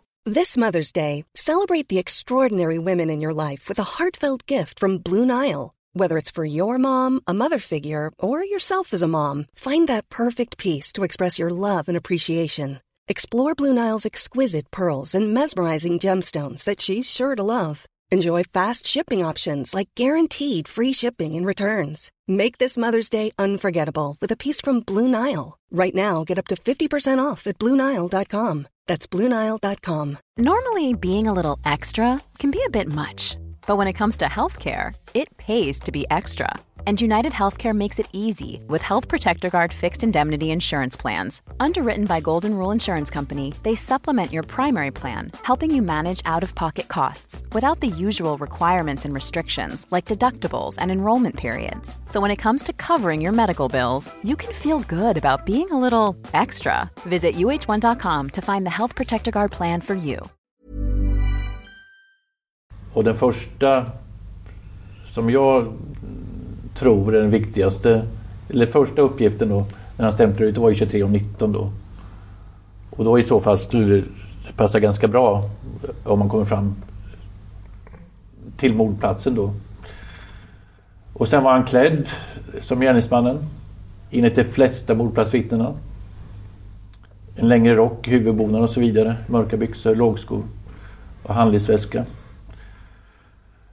Eh, sen hade han en egen nyckel till sitt tjänsterum. För han var ju anställd då på, i Skandiahuset där till. Den enda nyckeln? Den enda nyckeln. Precis. Och eh, det tyckte väl de här vakterna var lite märkligt. De skulle gå in och släcka något ljus, men det var låst. Ja. Så, så bara han som hade sen, den här nyckeln och det kan man ju tycka är lite märkligt. Och han har själv påstått att han befann sig på mordplatsen och hjälpt till. Dock finns det inget mordplatsvittne som styrker detta. Det kan finnas antydningar men det finns väl inget klart uttryckt att man, vi, vi såg eh, Skandiamannen. Eh, och sen eh, säkerhetspersonal fattade misstankar mot Skandiamannen och planerar att undersöka hans rum. Eh, men det blev av någon anledning inte av. Den polisman som blev inkopplad på fallet, Skandiamannen, Erik Skoglund, blev i samband med detta bortkopplad från PU efter semestern så fick han andra uppgifter. Ja. Eh, varför vet vi inte, eller sammanhangen där. Men det, det, är, det är en detalj i alla fall. Skandiahuset var ett centrum för Stay Behind och det fanns en hemlig ingång på baksidan mot Luntmakargatan. På baksidan ut mot samma gata hade Skandiamannen sitt kontor. Ja. Det har vi tittat på ja. igår. Här. Eh, precis mittemot det hotell du bodde? Du... Ja, ja, ja, ja, jajamän, precis som jag bodde i natten. Eh, och så var det en vakt.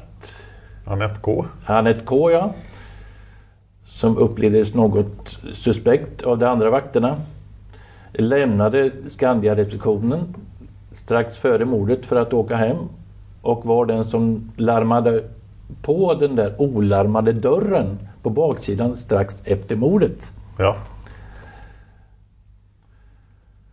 Förhöret med Annette K är hemligstämplat. Och det, det behöver i och för sig inte säga någonting. Hemligstämplat ska vi kanske inte riktigt säga. Jag tror det ligger under förundersökningssekretessen. Ja, precis. Den allsmäktiga förundersökningssekretessen. Ja, just det. Eh, och att Skandiamannen var Palmemotståndare. Ja. Det är väl klarlagt. Och han ändrade sina uppgifter i olika förhör och kom med osanna uppgifter. Ja. Han är en lögnare kan man säga. Ja, det vet jag. Eh, Men det märkliga är att han, han, eh, han visar ju på ett mönster som man kan tycka stämmer väl in med vissa vittnen då, bland annat det här med mötesscenariot och att han, att han påstår att han har gått. Liksom. Så det är, det är mycket märkliga saker runt omkring det. Ja, sen har du en reflektion om eh, vittnet Lars. Ja. Lars J. När han påstod sig springa efter poliserna in i gränden, alltså Skandiamannen. Vilket han inte borde ha gjort om han inte var gärningsmannen. Sen var han tjänst, eh, tjänstemän på Thulehuset, alltså Skandiahuset, ingick i Stay Behind. Det är i stort sett klargjort då. Ja. Så att det finns ju en hel del uppgifter då. Alltså fakta som, som gjorde att han var rätt misstänkt. Alltså man hade förhör med honom. Och, och den där säkerhetschefen han var ju väldigt, han tyckte det var väldigt eh, så det har ju inte utretts i botten vad vi vet. Utan det var väl Ulvebo som sa ah, nej det finns inte så mycket men eh, ja visst man kan lita på det men Ja. men det finns en, en, en hel del saker. Men det, för mig är det antingen eller. Antingen är han gärningsman eller också är det här bara rent, rent påhitt och har, det har slagit över för, för Skandiamannen på något sätt. Då. Så Ja. att den är en bluff så helt enkelt. Så, som har gått lite över huvudet på honom. Så. Lite din teori Mattias.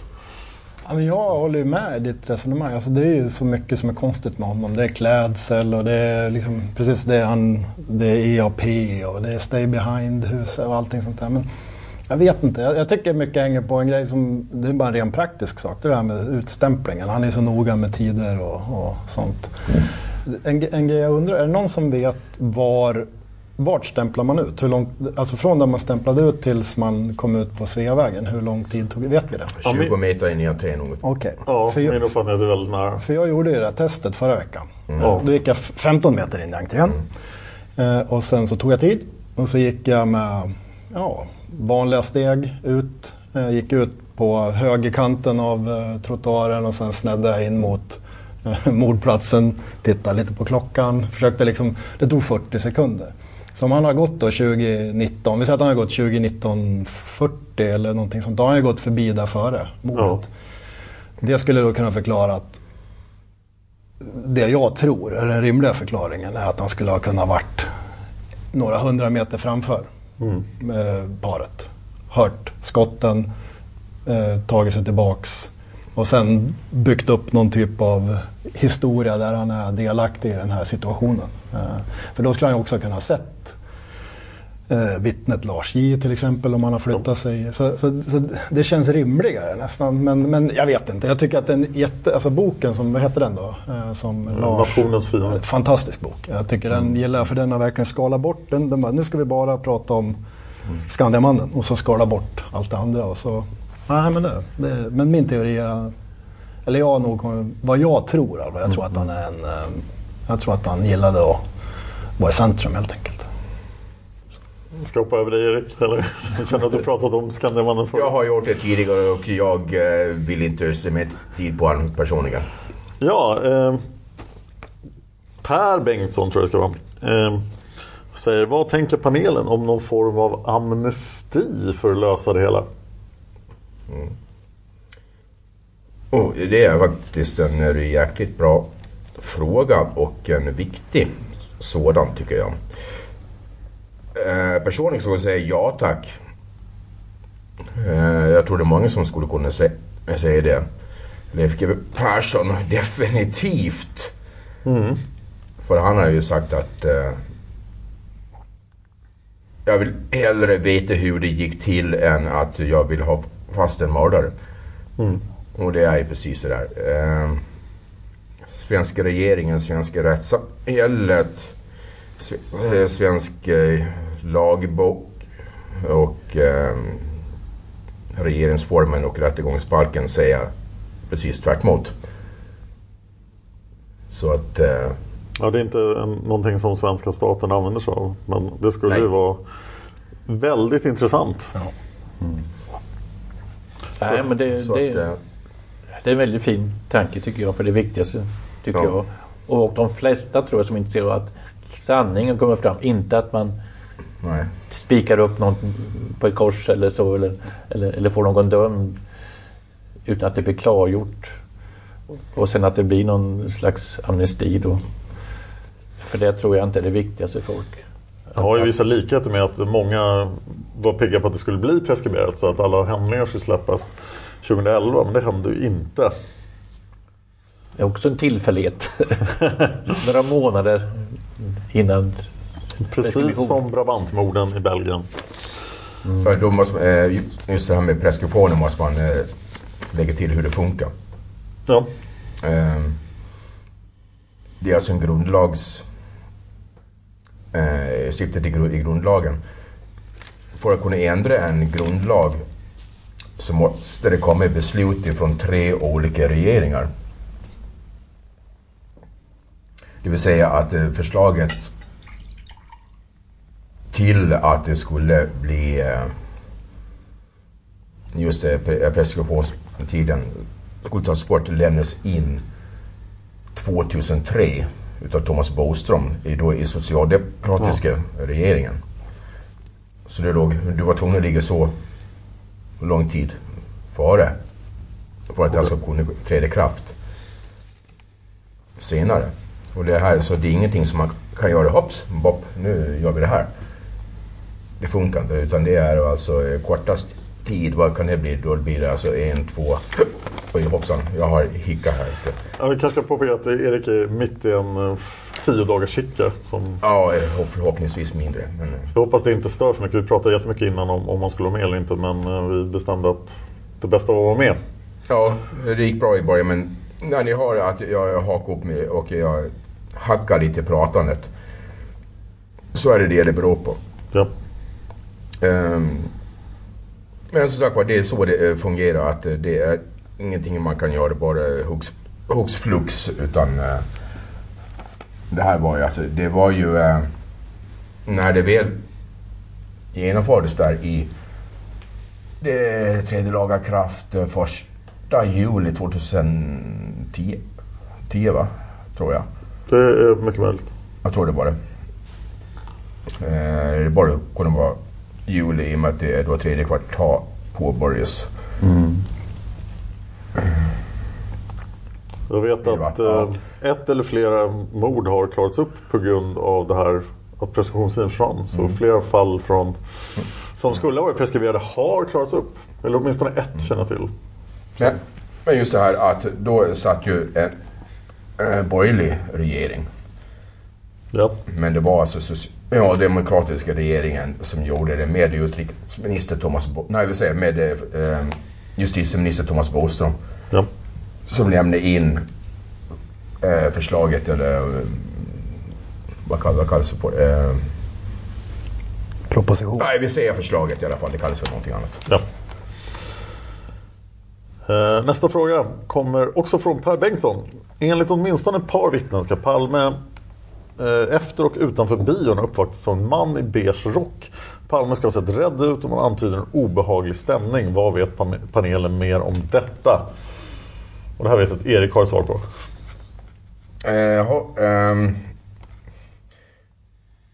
det enda som har kommit med den här uppgiften i alla fall offentligt det är ju Lars Borgnäs i Nationens intresse. Är det? Nej, en vad iskall vind. Vad sa du? En iskall vind. I, ja, just det. Jag glömmer bort det. men det är- na- Just det, iskall vind. Som har sagt det. Annars så eh, vet jag inte om jag har uppgifterna men han har sagt ifrån offentligt så att säga i någon intervju. Jag tar det här med en stor, stor, stor nypa salt. För att Lisbeth själv har fått frågan i både första och i andra förhör. Bland annat den som Hans med gör den 25... 23 tror jag. Ja, ja. Eh, mars eh, hemma på Västerlånggatan. Eh, där säger hon att det var ingen, vi träffade ingen på vägen. Ja. Och då ska det då vara noga med att det är det, då är det ett mord för det helsike. Då ska du då, då säger är det, gå igenom nästan varje steg som hon har tagit. Att hon då inte skulle säga det här. Ja. Så jag tror faktiskt inte att det har hänt att det kan vara en um, missförstånd eller det kan vara någon som bara såg och sa Hej. Man har sett på en och bara hälsa bara för att du, du... Du kan kanske bara gå förbi en person och sen så känner du igen personen fast det här är en känd person så tycker du att ja men det här är någon som jag träffar i min bekantskapskrets. Bara känna igen och kanske hälsa. Ja. Det kan lika gärna bara varit det. Så ett stor, stor, stor nypa salt och sen så är det ingenting med en beige rock. Det där uh, har någon blandat ihop också för den beige rocken är på andra sidan som Lisbeth ser uh, eh, gående norrut på eh, alltså uh, Sveavägen. Så det är där de blandar upp ihop med en beige rock. Beige rock har ingenting med det här att göra utan beige rocken den, den är eh, som hon ser precis efter mordet. Sen kan man väl säga då att en, generellt sett då att enstaka uppgifter som inte bekräftas av, av någonting annat då. Där ska man nog vara väldigt okay. försiktig med att tolka för mycket. Alltså enskilda händelser då. Så att det behöver liksom bekräftas av fler då om man, om man ska stärka det. För jag menar, man ska komma ihåg att Olof Palme var ju en väldigt kontroversiell person. Det var nog väldigt vanligt att folk kom fram och kanske skällde och, och kommenterade saker om honom och sådär som, som han kanske upplevde lite hotfullt. Va? Så att eh, det tror jag han upplevde hela tiden. Det var inte omöjligt att han upplevde den här kvällen heller. Så att man, ja. man ska nog vara väldigt försiktig att göra enskilda uttalanden kanske. Eller göra för mycket av dem helt enkelt. Jag vill minnas att jag hittade den här incidenten i grannförhören och att den inte var särskilt eh, allvarlig. Ja. Ja, nu fick jag en passage här om att ändra grundlagen och det ska alltså vara två riksdagar förstås, för det är riksdagen som fattar besluten. Och de ska fatta samma beslut då och det ska vara ett mal emellan. Och så kan man ändra en grundlag. Nej, när jag läste, jag har, jag har läst, jag har tenterat av grundlagarna faktiskt, men det var 1997 så det kan ju ändras sedan dess. Mer frågor? Erik Rådstam ställer frågan, vad talar emot en konspiration enligt panelen? Mattias? Förut pratade vi om eh, plats och tidpunkt för mordet men nu kommer den större frågan. Vad som talar emot en konspiration? Talar emot en konspiration? Ja, den frågan är också, jag, brukar, jag gillar att ställa den där frågan på de här grupperna. Jag brukar fråga, även fråga vad som talar för. Det, då blir det, jag fråga, en gång frågade jag vad som talade för att det var Christer Pettersson. Uh, det var du som ställde den frågan? Ja, precis. Ja. Nej, det var ett tag sedan. Men, men, det var någon som ställde den i Palmerummet. Ja. Nej, men det är väl, det, det är väl precis som vi säger att, um, att oh, vad ska man säga? Att, eh, jag, jag, tror ju helt enkelt att om, om eh, hade det varit en konspiration, eller ja, det kan fortfarande vara en konspiration så, men jag tror ju helt enkelt att man hade kanske valt annan tid och plats som sagt var. Eh, där, man hade, där det hade varit lättare att veta vart han hade befunnit sig till exempel i närområdet till, till eh, hemmet eller, eller någon annanstans eller kanske använt en annan metod. Uh, men det kan man också argumentera tvärtom. Man, ska, man kan argumentera att, att metoden är perfekt för då kan man se nära håll att det här är Palme och att uh, man kan verifiera att det är han man skjuter och sådär. Så. Och det, det går igen hela tiden. Det går att argumentera precis ja allting för eller emot det här. Ja, och jag, jag, jag, jag, vet inte, jag har ingen egen teori runt omkring hur saker och ting har gått, gått till. Utan jag är snarare intresserad av eh, det, det, innehållet som finns och det som är så nära fakta som möjligt. Eh, och ibland så tror jag att det lutar åt en konspiration och ibland tror jag att, det, att det är en ensam person som har gjort det. Och jag tycker att det där är någonting som för mig går det upp och ner beroende lite på hur, precis av den anledningen att, att man kan vända och vrida på varenda liten sak. Liksom. Så att Mm. Jag har inget bra svar på, på den frågan. Jag gissar att Erik kanske har bättre. Eh, Jag är helt uppfattande. Jag missade vad, vad frågeställningen var. Vi kan fråga Sven-Åke, vad, vad talar emot en eh, konspiration? Ja, man kan väl säga grundläggande då att det alltid blir konspirationsteorier. Och att det, det är vittnen som ser saker. Jag menar, det, det, oavsett vilket mord det är så kommer det in en massa stolliga saker. Så att vi har nu en tendens till att skapa konspirationsteorier. Så det kan ju tala emot i sig. Att det, det blir alltid det. Och det kanske är så i det här fallet med. Att det, bör, det är en massa stories som man försöker plocka ihop för att man tycker det är intressant och spännande då. Så att det kan ju i, sig tala emot en konspiration. Ja. Att, att, att det alltid blir det. Att vi, jag tror kanske att vi lockas till det mer eller mindre. Ja, så är det. Eh, och tycker det är spännande och vi vill engagera oss i, i någonting. Och, och, så att, eh, nej men sen eh, fanns det ju många andra ställen som sagt som man hade möjlighet att skjuta Palmen. Han rörde sig fritt i den där triangeln. Ja. Vad det nu kallades.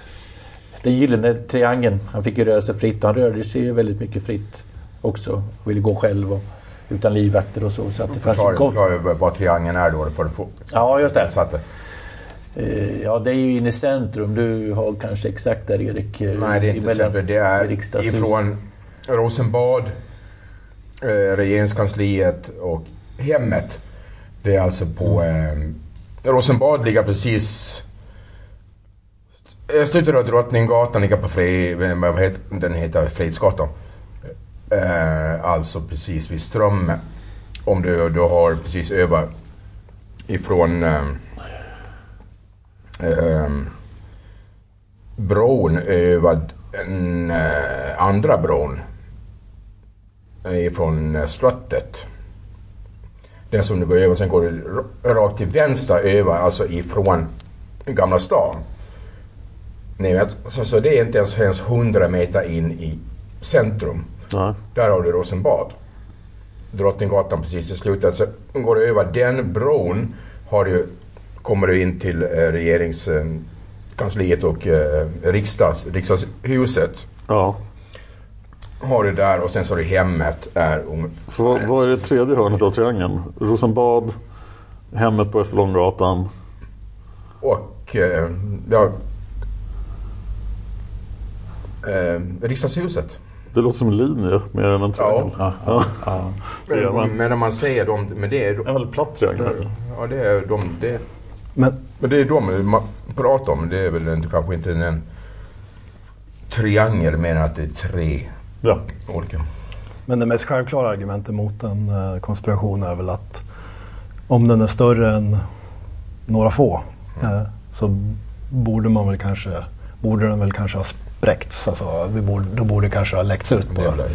Men där kan man ju också då argumentera att, att, att, att om man är övertygad i sak, då, i politisk sak och man kanske tycker att man, man är så pass många som är helt övertygade att man gjorde rätt, då kanske man kan hålla tyst. Då. Men, ja, nej, det, det, men det är väl ett argument, argument emot att kanske någon skulle ha spruckit och berättat någonting. Samtidigt så är det ju så mycket information i det här så att det kanske är någon som har berättat. Vi, man, man, man hör många, hävdar ju det. Ja, men man hör inte alltid, man hör inte det i, i, i allt brus av annat. Så Sen var han ju väldigt hatad också Ja. av många. Jag menar, det var ju ganska vanligt kanske att man talade om det där. Ja. Och jag hörde att Palme är skjuten men jag trodde att det var Ja, man trodde att det var ett skämt nästan till en början. Va? För det var sån där, om man pratade om, de som vill skjuta Palme. Och, så att eh, det var ju många som hade kanske motiv och, och, och ville skjuta honom då, eller döda honom. Så att det kan ju också tala emot då, att, det, att förr eller senare så kanske han gick fritt ibland. liksom att det skulle hända så att säga. Det behöver inte vara en konspiration. Ja, det, är det, det är ett bra, äh, bra argument i och med att det fanns så många, precis, jag ser Sven-Åke, att det fanns så många enskilda personer som, som hatade honom. Inte, bara, inte bara våra organisationer utan enskilda människor Ja, också. ja, det är ja. faktiskt någonting som talar mot en Ja, ja. konspiration. Det finns ett väldigt starkt argument mot en konspiration om jag får kanalisera Leif GW Persson och det är statistiken. I västvärlden så sker mord på ledande politiker av ensamma gärningsmän i USA, i Europa. Och eh, Eh, jag har till och med hört påståenden, det här kan vara en utmaning till er lyssnare. Kan ni komma på ett mord på en ledande politiker i, Europa, i Västeuropa eller USA eh, som har utförts av en konspiration? För att jag har hört, sagt mig, att det enda mordet som har skett på ledande politiker i Europa och Västeuropa under 1900-talet och senare är mordet på Martin Luther King. Och inget annat. Att det inte finns ett enda fall. Utan alla de här morden man har hört talas om är i, i, i Sydamerika och Afrika i princip. För i Sydamerika så dör det ju politiker till höger och vänster under kalla kriget. På alla möjliga intressanta sätt. Som vi pratade om med Gunnar Wall också.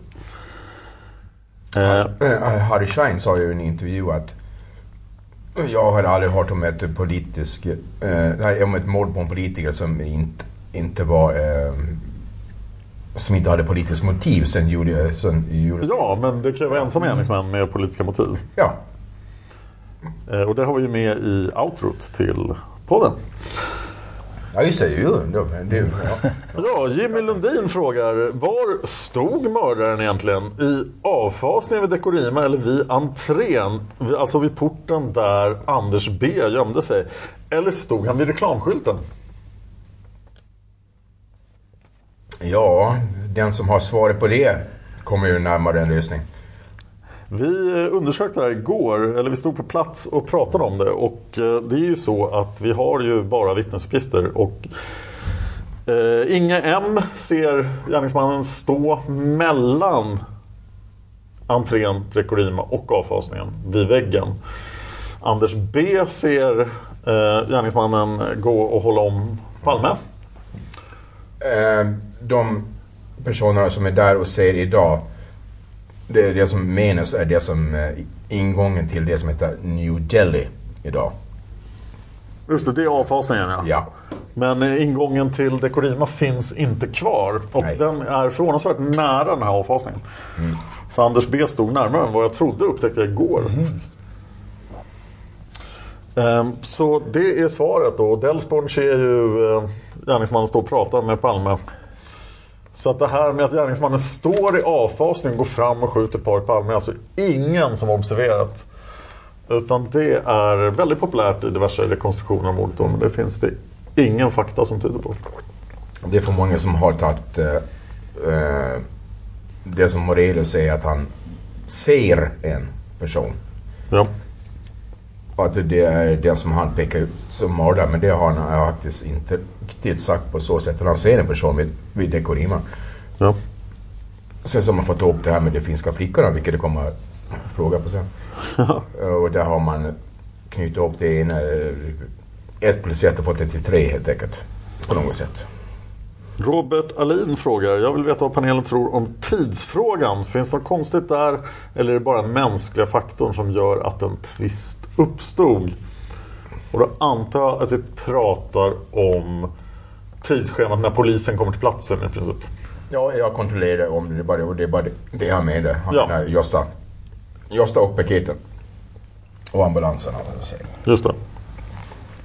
Och här finns det ju onekligen en twist och olika uppgifter.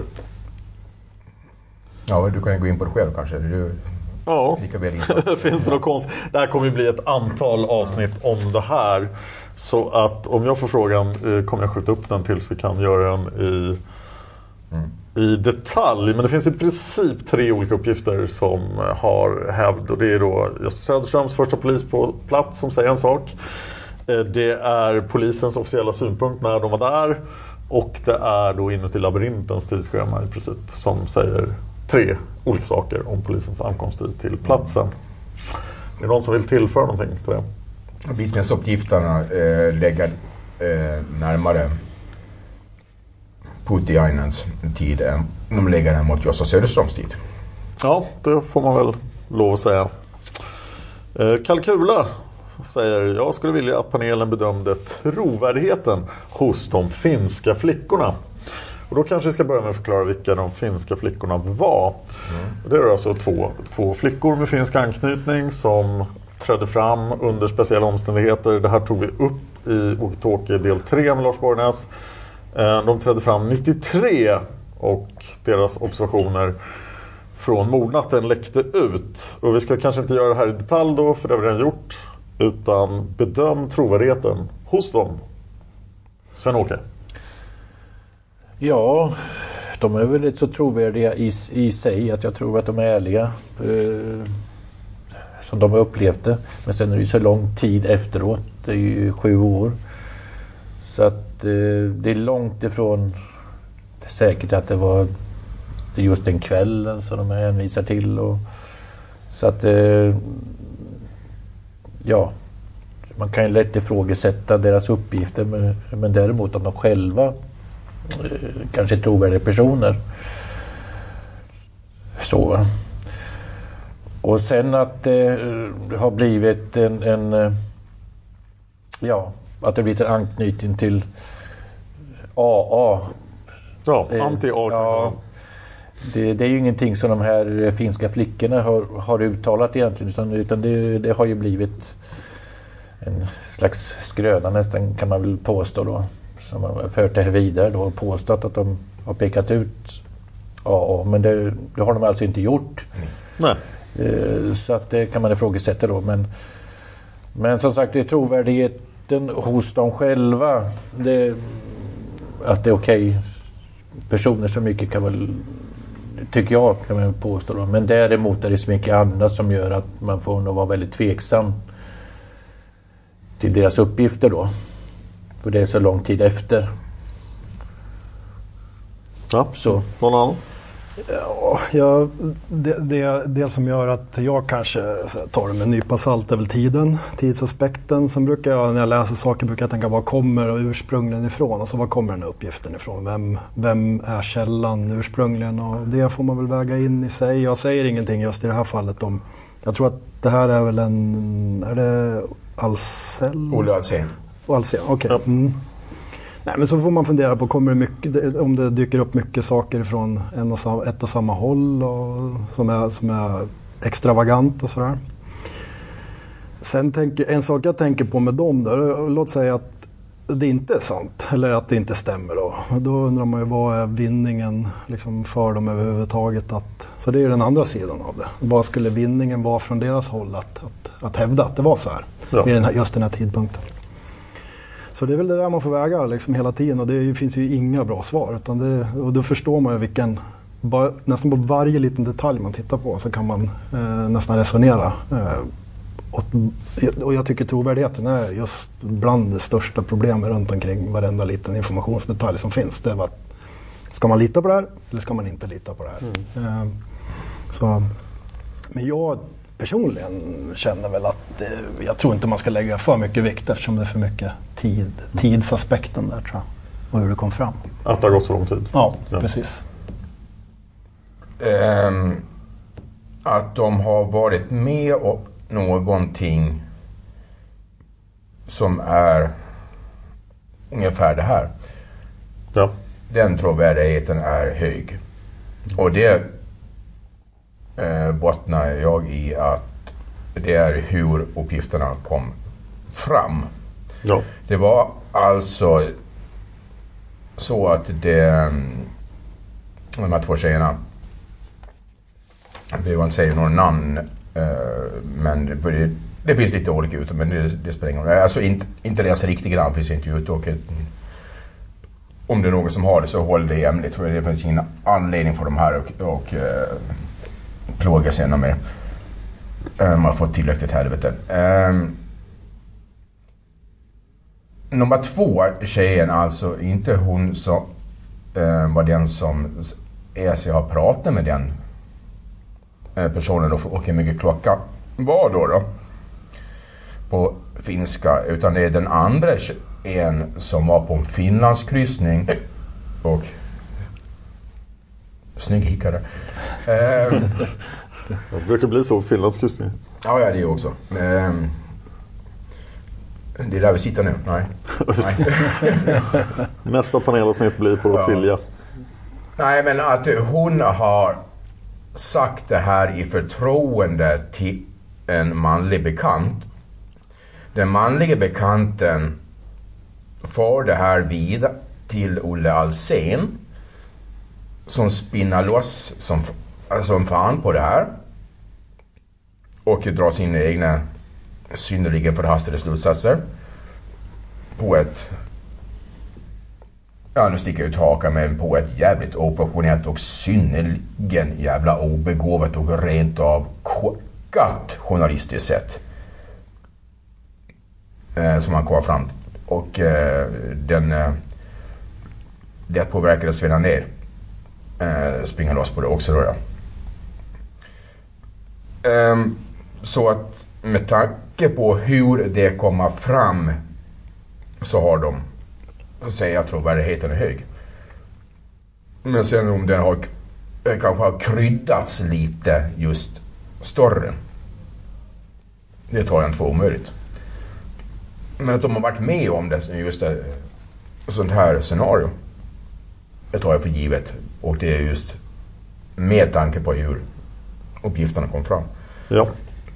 Och eh, jag ska också tillägga att de här tjejerna blev jäkligt förbannade på den här manliga bekanten som förde allting vidare och bröt med han totalt.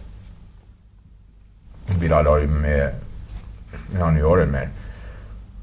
All right. Vilket också talar för att trovärdigheten i att de varit med om no någonting sen så om uh, allting uppgifterna i det stämmer det till katten. Hans Arvebro vill själv påstå att det som Olle Alsén har fått fram stämmer inte alls överens med det som de har, polisen. Nej. Vi ska gå till botten med det här ja. i spåret eh, Dekorima-mannen. Men jag vet att det här ligger väldigt varmt om hjärtat hos en del lyssnare. Så om ni har eh, saker ni absolut vill ha med i spåret Dekorima-mannen och eh, ja, uppgifter som ni anser inkriminerande för anti-A till exempel så vill jag gärna ha dem. Eh, jag har en hel del material i fallet och det finns som ett kommande spår. Vi går vidare till en fråga från Göran Elving Björklund.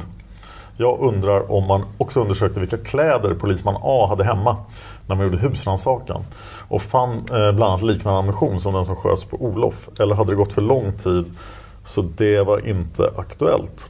Och det kan jag besvara, det gjorde man inte då eftersom de som gjorde husrannsakan hemma hos polisman A var tullkriminalen. Ja. Som inte alls var intresserade av Palmemordet så att de eh, var inte alls intresserade av hans kläder. Det såg inte ut som någonting som man hade smugglat. Det var illegala vapen. Ja, som de skulle. det fanns tillräckligt mycket att vara intresserad av i hans lägenhet för tullkriminalen. Så, så det var inte deras uppdrag? Var, det var alltså inte Palmeutredning som var där med husrannsakan utan det var tullkriminalen och det här var inte deras uppgift. Precis. Så det, det är enkelt svar på det. Nästa fråga är från Pelle Nilsson som säger Jag har en allmän undran varför intresset för Sydafrikaspåret och dess eventuella koppling till polisspåret är så svalt. Vi har underrättelseoperatörer från en av världens mest ökända säkerhetstjänster som öppet erkänner att deras organisation var inblandad i mordet. Det är alltså BOSS, den sydafrikanska säkerhetstjänsten. Eh, HH bekräftar att minst en av Boss operatörer fanns på plats på mordnatten. Dokumentation i Sydafrika påstås styrka uttalanden. Det finns beskrivet vilket mordvapen som användes och hur det smugglades till Sverige. Ändå i princip total tystnad. Inga journalister eller privatspanare som gräver. Och polisin polisintresset verkar vara noll. Varför? Ja, helt tyst har det inte varit tidigare i alla fall. Nej. För några år sedan, alltså, ja, framförallt då Sten Flygares bok. Då, han har skrivit en bok om Syd Sydafrika-spåret. Och han, medan jag sett den här eh, De Kock då. Ja. På ett hotell, Lord Nelson. Eh, och så vidare. Så att då var det ju ganska mycket i media kring det här. Och man har ju vänt och vridit på det en hel del men att det, det, är lite tystare nu den senaste tiden, det kan vi hålla med, på, hålla med om. Eh, sen var det vid 30-årsminnet så var det också Palmeutredningen, Dag Andersson tog ju upp det här med de, de här två männen som syntes på Arlanda. De ville gärna veta vilka det var och att man skulle forska vidare. Fast det är ju löst. Ja, just det. Ja, ja, det löst. Men jag vet att man pratade om det var ja, väldigt mycket. Och, och, att utredningen eh, skulle utreda det här med Sydafrikas spår. Så det har inte varit tyst tidigare. Utan det, det har nu utretts ganska ingående. Och speciellt då Mm. de Kock gjorde sitt uttalande då att någonting om att eh, ja, att de låg bakom mordet. Ja. Så att eh, ja, det är väl det man kan säga om det, att det ändå har utretts en hel del. Men Mm. sen finns det ju säkert mer att utreda. Så det, men det är lite annan sak. Då. Eugene de Kock är numera frigiven trots att han blev fälld för ett väldigt stort antal mord i samband med då eh, hans arbete för Boss. Så att eh, om någon vet hur man kommer i kontakt med honom så skulle han vara välkommen och gäst här i podden. Det hade varit väldigt intressant. Så han snackar om long shot. Liksom. Ja. Eh, övrigt Sydafrika, om ni känner starkt för Sydafrika Spurs, jag är också intresserad av att veta mer om liksom, vilka källor ni tycker jag ska använda. För det, kommer, det är ett av de fem stora spåren, det kommer att komma i podden. Och jag är inte alls ointresserad av Sydafrika-spåret så att eh, det blir Sydafrika. Jag tror det är många lyssnare som är intresserade av Det tror jag också. Mm. Mm. Så jag kommer använda mig av Sten Flygares material, av Granskningskommissionen, av artiklar jag kan hitta och så vidare. Men om det finns något mer som ni tycker jag ska ta del av så säg till mig. Och jag tror att det fortfarande finns med som ett eh, ganska stort uppslag. Ja. Jag tror inte att man lämnar det på, på något sätt. Inte alls. Så att, eh, Det känns väl som att det måste vara ett av de mer komplexa också. Ja, I, och med att det, att- I och med att det är mellan stater och att det är gammal underrättelsetjänst. och Jag kan tänka mig att det är väldigt, det är inte så lätt att är- få fram material. Eller? Jäkligt svårt att komma vidare Ja. med. Ja. Ja, det är ju extremt svårt att reda ut någonting i ett annat land förstås. Eller utreda ett brott i ett annat land. I en stat som inte längre finns. Nej, och i en, eh, som sagt, en splittrad verksamhet också som eh, var här både med apartheidregimen och med allting eh, här efter och med deras underrättelseverksamhet som det har varit jäkligt mycket pajkastning Ja, mellan agenter där och man klagar varandra för det, det är både det ena och det andra det tredje och det fjärde och det, det tar hälften med en nypa salt. Så Precis. det, det där är extremt svårt att komma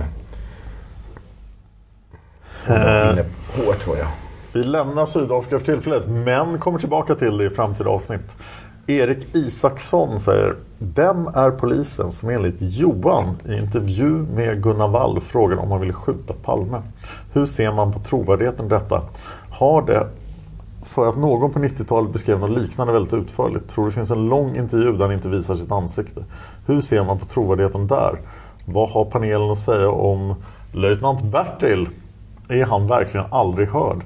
Att en agent från Sydafrika överhuvudtaget kan namnet på en säger en del om att man inte är någon vanlig August. Andra frågan i tråden är också väldigt intressant. En sista fråga handlar om vittnet Leif. Han är ofta citerad och vad han har sett anses viktigt. Men börjar man syna förhören tycker jag han framstår som nog så bra. Jag tycker han verkar vara ett tydligt exempel på vittnen vars historia blir mer och mer detaljerad. Exempelvis blir han tillfrågad tidigt om han sett någon i mockjacka. Jag antar att det handlar om Österrike. Och nära två månader efteråt säger han att han sett någon i ljusare jacka. Avvika.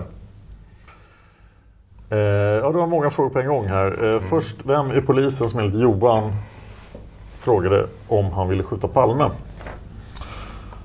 Ska du besvara den själv eller? Ja, det är väl Dag K, har jag rätt? Ja. Det ska vi Är- prata om. eh, Vi eh, påstår att det är så. Ja. Ja, eh, med den. Man måste alltid vara en liten reservation på Just det. allting. Men det lutar åt det är att det är Dag K. Ja, den, den, den som har utpekats för det är Dag K. Jo. Eh, och sen låter det som att det syftar på Ivan von B, den andra frågan. Där någon på 90-talet beskrev något liknande väldigt utförligt. Och Ivan von B ska vi ta upp i CIA-spåret. För Mm. att han har, han dyker upp i Viktor Gunnarsson-förhören också. Men han har ju ett trovärdighetsproblem som vi ska belysa i CIA-spåret. Vad har vi att säga om löjtnant Bertil? Är han, verkligen han, aldrig hörd? hade du inte... Du, du kan ta upp Alf Enerström också. Ivan eh, dyker upp på många ställen. Ja. Eh, Är löjtnant Bertil aldrig hörd? Han är väl inte hörd? Det är han som Stig, Lar- Stig Larsson eh, pekar ut. Ja, det är ju han som eh, bor på norra Cypern och inte vill bli utlämnad. Och verkar ha det bra där och gärna ställer upp i intervjuer. Som har en iskall blick. Ja. Nej, han, är, det är Han har ganska iskall blick. Ja, nej, men det, han är ganska... Ser lite cool ut. Så. Han dyker väl upp med många av de här VACL och Ja, han var med i. Svensk Extremhöger. ja. Mm. Om man har det? Jag, jag vet faktiskt inte. Jag är nog ganska övertygad att han inte är hörd av Palmeutredningen. För de har väl inte... Alltså, hur skulle de höra honom? Nej, om de har mandat. Då. Han är inte där. Ja, vad frågan om det? Ja, de får, lär inte kunna kalla honom till ett förhör på norra Cypern. Så att, Ja, då, då måste han ju bara ställa upp eh, rakt av. Bara det att eh, de kan ju inte kräva. de skulle nog kunna förhöra honom om de sa att de kom från Expressen istället. För han verkar ställa upp ett tidningsintervju. Ja. Från och till. Eh, han ska prata mer om när vi kommer till Sydafrika och Intressant säkert alla annat sammanhang också. Mm. Väldigt intressant människa. Eh, sen var det ju då vittnet Leif och eh, ja... Håller panelen med om Eriks tankar om vittnet Leif? Det är alltså Chevamannen Leif L. Ett av ögonvittnena. Vad är dina tankar? Eller? Ja. Ja, vad var era tankar om eh, Eriks tank, e- Erik Isakssons tankar? Ja, okej. var alltså, Alltså inte mina, det Nej, var nej, ja, missförstånd. var att eh, Leif var ett tydligt exempel på vittnen vars historia blir mer och mer detaljerad. Det var han som var säker på att det var Christer Pettersson några år efter. Nu är han ja, säker på det. nu är han säker på det. Numera är han det. Nu vet han. Vad, vad menar frågeställaren? Jag är lite osäker på vad... Alltså att hans historia blir mer och mer detaljerad. Ja, ja men, Det är nog mänskligt. är det negativt då? Eller är det att, Ja, att det, det, vi kan väl bedöma Leifs trovärdighet helt enkelt. Det är väl det du ska bedöma kanske. Ja, just det. Ja, precis. Mm. Nej, men jag tycker att det växer ut för mycket då. Att det inte finns med i de tidigare förhören det här med att eh, Elisabeth såg och att de tittade på varandra nära. Alltså det är det är sånt som kommer senare. Ja. Jag. Så att det, det verkar som att det växer ut för mycket. Så jag tycker att man ska vara lite, lite kritiskt tänkande där när det gäller Leif. eh, Att det utvecklas då. Så att jag, jag, är lite, jag ser lite, ett stort frågetecken kring utvecklingen där. Eh, Jag tror inte det är något personligt. Jag tror det är högst mäns- mänskligt att det blir så att man, att man, att man väver ut över tid. Därför tror jag det är så otroligt viktigt med eh, saker som har, liksom, är nära i tidpunkt och, och att man kanske är mer benägen att lyssna på de första förhören. Och, och de så. Jag tror att det, det känns som att det, det, är så hjärnan funkar helt enkelt. Den, Ja visst, den ja, precis. ut. Nej, visst. Ja, mm, Det, tror jag. det, det, så, det är inget emot honom som Nej. person. Han är väldigt övertygad Ja, absolut. om att det är. Eh, sen är ju media väldigt Mm. snabba på och han har ju varit en sån person som har funnits mycket medier på senare tid med. Eh, Ja, han, så att, eh, Var det han som nu i... Det var 30 år. ja, det här... De sista timmarna tror jag va? Jaha, Ja, ja, okej okej. Eh, Jag tror det var inför 30-årsdagen. Men, det var, men var det ingen som dök upp eh, plötsligt och vill- ville prata efter att han var tyst? Det var väl massor av folk som ville prata i samband med 30-årsdagen. Eh, Ja, ja, men ja, ja. Men, eh, men som sagt var, han har pendlat från osäkerhet och till att han bara såg någon bakifrån till att han såg någon profil till att den helt plötsligt så ser han ansiktet och sen från att den, den, är, den ena är någonting och till det blir någonting som blir Christer Pettersson. Det är liksom lite utav de här ryska dockorna så- som han plockar ihop på något sätt så som blir det till äh, jävla plockepinn till att vi hamnar till Christer Pettersson. Eh, precis som Mattias säger, det, eh, den mänskliga faktorn och den mänskliga hjärnan kan spela spratt. Ja. Och det är fullt möjligt att det är så. Men Plus media också. Breeze, ja, ja, just det. Absolut, absolut. Och det är ju det som vi har med i den mänskliga hjärnan. Det är som att det påverkar, den yttre påverkan. Eh, ja, eh, ger oss mer övertygelse än vad det borde göra så att säga. Och det är likadant med Morelius om man ska anknyta till det. Mm. Det, det växer ju också ut och det görs ju, har gjorts väldigt Mm. mycket i media kring det. Va? Att han, det, det går ju längre och längre tid. Han har sett där gärningsmannen går runt här, både före och efter. Så att säga. Ja. Det växer ut väldigt då, men det har man gjort. Men det är lite sån här mediagrej också, Mm. man skruvar upp det då. För att det är liksom... Det är väl, Ja, men det, det, vi har ju sett. Ja, typexempel där Lisbeth själv. Eh, Ja. Som också. ja, ja. Så att det, det, det, det är på det sättet. Men att han är helt plötsligt är så in i helsikes övertygad om att det är Christer Pettersson. Ja. Ja, vi lämnar Ja, ja. vittnet Leif. Tobias Henriksson har smugit in en fråga här. Gud vad överraskad man är på hans komma fråga just nu. Jag kan inte härma dialekten Tobias, men eh, Viktor Gunnarsson som mördare, topp eller flopp? Vad säger du Sven-Åke? Mittemellan. Mittemellan. Erik? Nej. Mattias? Alltså flopp för min Flopp. Ja, vi går vidare. Öyvind Berge. Att du själv då?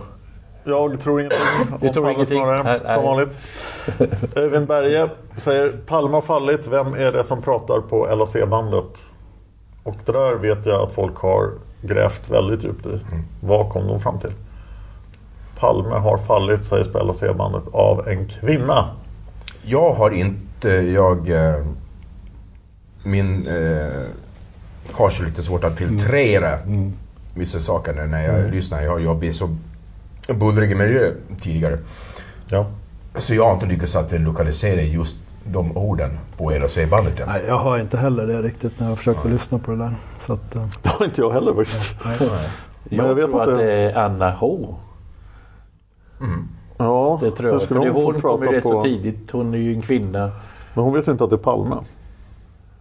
På när- Ja, när- man vet ju inte när för det är ju, det, det är ju lite senare i det här bandet, Ja. alltså händelseförloppet. Och då har ju hon säkert hunnit komma fram. Ja. Vems Då radio väl- pratar hon ner? Förlåt? Vems radio pratar hon ner? Någon slumpmässig polis. Som råkar vara för nära henne. Och... Ja, men hon, hon ropar väl ut där. Alltså det blir väl mycket uppståndelse då. Ja. Eh, för det är ju bakgrunden man hör det här. Ja. Eh, Så min teori är att det är, att det är Anna H då som, Ja. som utbrister det där då. För det, är- det är ju lite, det är inte precis i början utan det är ju betydligt senare. Och då har de hunnit fram. Okej. Eh, och, och hållit på. Och då, då drar det inte så länge innan de upptäckt att det är Palme. Va? Mm. Eh, För det kan ju vara strax efter han har fallit. Och, och säger ja, Palme. Och det tycker inte jag är konstigt. Nej. Så att eh, när jag lyssnade på det den senaste gången så, så mm, tyckte jag det, det borde vara det mest Mm. trovärdiga i- enligt min syn. jag, ska Att det- jag ska lyssna sen. Ja, ja, ja. Så det, och det är också sådana grejer som jag tror att man gjort för mycket av. Ja. Ja, jag har hört Palme har både, fallit, att det skulle vara Lisbeth. Att, ja, både Lisbeth och Ja, Maria. men det tror jag definitivt att man ska vara försiktig och göra för mycket av. Vad tror ni lyssnare? Vem är det som säger Palme har fallit? Svara i kommentarerna. Vi har en sista fråga här.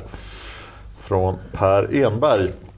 Jag har en del funderingar kring flyktvägen. Efter att ha kommit upp för trappan försvinner mördaren ner för David Bagares gata och in i en port och man går enligt Yvonne och Lars vittnesmål. Hur är det med andra vägar? Till vänster eller höger efter trapporna? Christer Pettersson tog väl till vänster över kyrkogården enligt Gert Fylking. Och eh, Leif GW Persson tror på höger. Sen ska det finnas uppgifter om att mördaren fortsatte längre ner mot smala gränd. Vad säger eventuella vittnen? Tack för en kanonbra podd. Eh, jag vill börja med att svara på det här med smala gränd. Att alla vittnesmålen efter hörnet David Bagares gata, Regeringsgatan kan avfärdas i princip. Och det ska jag nog göra någonting av speciellt. Men jag har tagit del av en väldigt bra sammanställning då som förklarar varför de här kan avföras. De ligger alla fel i tiden inklusive då Fantombilen, flyktbilen, eller Fantombilden, flyktbilen och Smala gränd. Lapplisan där med det, det är den som de eh, eh, eh, lappt en bil också som eh, ligger helt fel i tid. Ja. Eh, Så vi går för att titta på de andra flyktvägarna då. Om vi inte springer framåt på David Bagares gata så kan man alltså svänga vänster eh, mot kyrkogården. Och den ser ju... Ja, vi har gjort en video på den. Jag står i där uppe vid trappan och, och tittar runt. Och alla, alla flyktvägar ser väldigt bra ut. Det är in på den mörka kyrkogården. Jättebra, kan man gömma sig. Springa rakt fram så kommer man ner från åsen och bort från området. Det vill man ju. Och om man vill springa höger som Leif GW Persson så kommer, kan man ju smyga ner på Kungsgatan. Alternativt fortsätta bort och försvinna i helt andra kvarter. Men Leif GW Perssons variant var ju det att man skulle ner på Kungsgatan och sen lugna ner sig och blanda sig med folkmängden och gå förlorad i, i, i folkhavet på Kungsgatan. För all, allting är väldigt öde där uppe på åsen.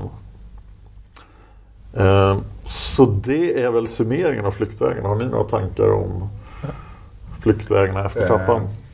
Jag Så säger jag, läser igen på det var någonting jag reagerade på där. Eh, Ja, vi har pratat om tiden. Jag stod och tittade där samtidigt som jag var och tog tid där på. Då stod jag och bara rent så här instinktivt som liksom helt så, så känns det ju mer lockande att springa till vänster mot uh, kyrkogården. Den ser stor, mörk och trygg Ja, ut, det eller känns som att det liksom mer, det, när, det känd, den kändes som att det var att jag skulle vara mindre exponerad om jag drog. Och så tänkte jag lite, vad skulle kunna få en annan men det här handlar också om man har kunskap om området och, eller om man har någonting. vart man är på väg. Ja, vart man är på väg. Precis som man har någonting i närheten att försvinna till eller sådär. Så att det, det är helt omöjligt att svara på. Och allting tyder ju på att han sprang ner för David Bagares gata. Mm. Ehm, eller det är det vi, det är det vi har liksom vittnen på. Vi har inte, Leif GWS känns väl som en snygg lösning i en roman. Liksom. Att man springer ner och flyter ut bland folket. Sådär. Så att, men, ja. Faktum är att jag eh, kommer att ägna, förhoppningsvis, i, i februari ett helt avsnitt åt frågan som folk tenderar att säga. Är mannen Yvonne såg på David Bagares gata gärningsmannen eller är han en annan man? Så om allting går rätt, ett helt avsnitt i februari i det ämnet. Det är väl det hä- hävdar att det inte är. Ja. ja. Och Erik Engström hävdar att det inte är så. Ja, Ja. gör det. Ja, då. ja, ja det, det gjorde vi. Ja. Det gjorde vi just den här vi- videon om också som Ja. ligger på Youtube. Ja, det måste jag titta. Ehm, Vi stod ju där. Ja, vi ja. träff... ja förlåt. Ja, det här, jag vill se frågan igen för det var någonting jag reagerade på. Um, skriva så här att Mördaren försvinner nerför Bagares gata och in i en port om man går enligt Yvonne och Lars, och Lars J's vittnesmål. Nej, det är ingen utav dem som säger en port. Det är ingen av dem som har sagt att han går in i en port. Nej. Lars J ser han bakom, eller en person ser han bakom den sista bilen som råkar vara polisman F. F. Tack. Råkar vara hans bil då, då. Men att någon har försvunnit in i en port har ingen av dem sagt. Ja, det rasslar lite i eh, byggnads... Eh, pre- presenningarna där. Och ja, det kanske är en vanlig teori att han smyger in i porten där och försvinner upp i polisman A's lägenhet till exempel. Ja, eller snarare Mario G's Ja, lägenhet. Är han, ja, han som står på kontraktet. Ja, deras gemensamma Ja. näste. Eh, Det var alla frågorna. Och vi har trasserat... Vi börjar närma oss två timmar. Vi kan börja flika in det att vi var ju där några stycken igår kväll. Vi, uppe vid trappan där. Ja. Och vi stod och diskuterade lite grann. Och då, då var min sista känsla, om jag hade varit där och ville iväg så vill jag bara bort ifrån mordplatsen så fort som möjligt. Bara åt ett annat håll. För eh, gör man som Leif GW då, det är mycket troligt med, men då får man vara rätt så kall Mm. och gå ner där igen. Alltså ändå i närheten och, och vara klädd så. Och, och, och likadant eh, skulle man gömma sig i kyrkogården. Det, ja visst, det, det är ju troligt och så kanske poliserna, ja han har nog gömt sig där i busken någonstans. Så att man får nog vara ganska kall då att ändå stanna kvar i området. Ja. Det var min upplevelse. Mm. Så hade jag bara bort så långt ifrån mordplatsen som möjligt.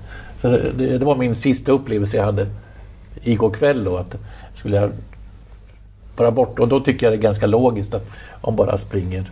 Man fortsätter bort bara. Men ja, som ja, sagt, det, det, det är min Ja, ja, det- subjektiva Mm. upplevelse. Eh, sen så är det väl beroende på eh, ifall du har sinnesnärvaro vart du tar vägen. Vad är du för slags person?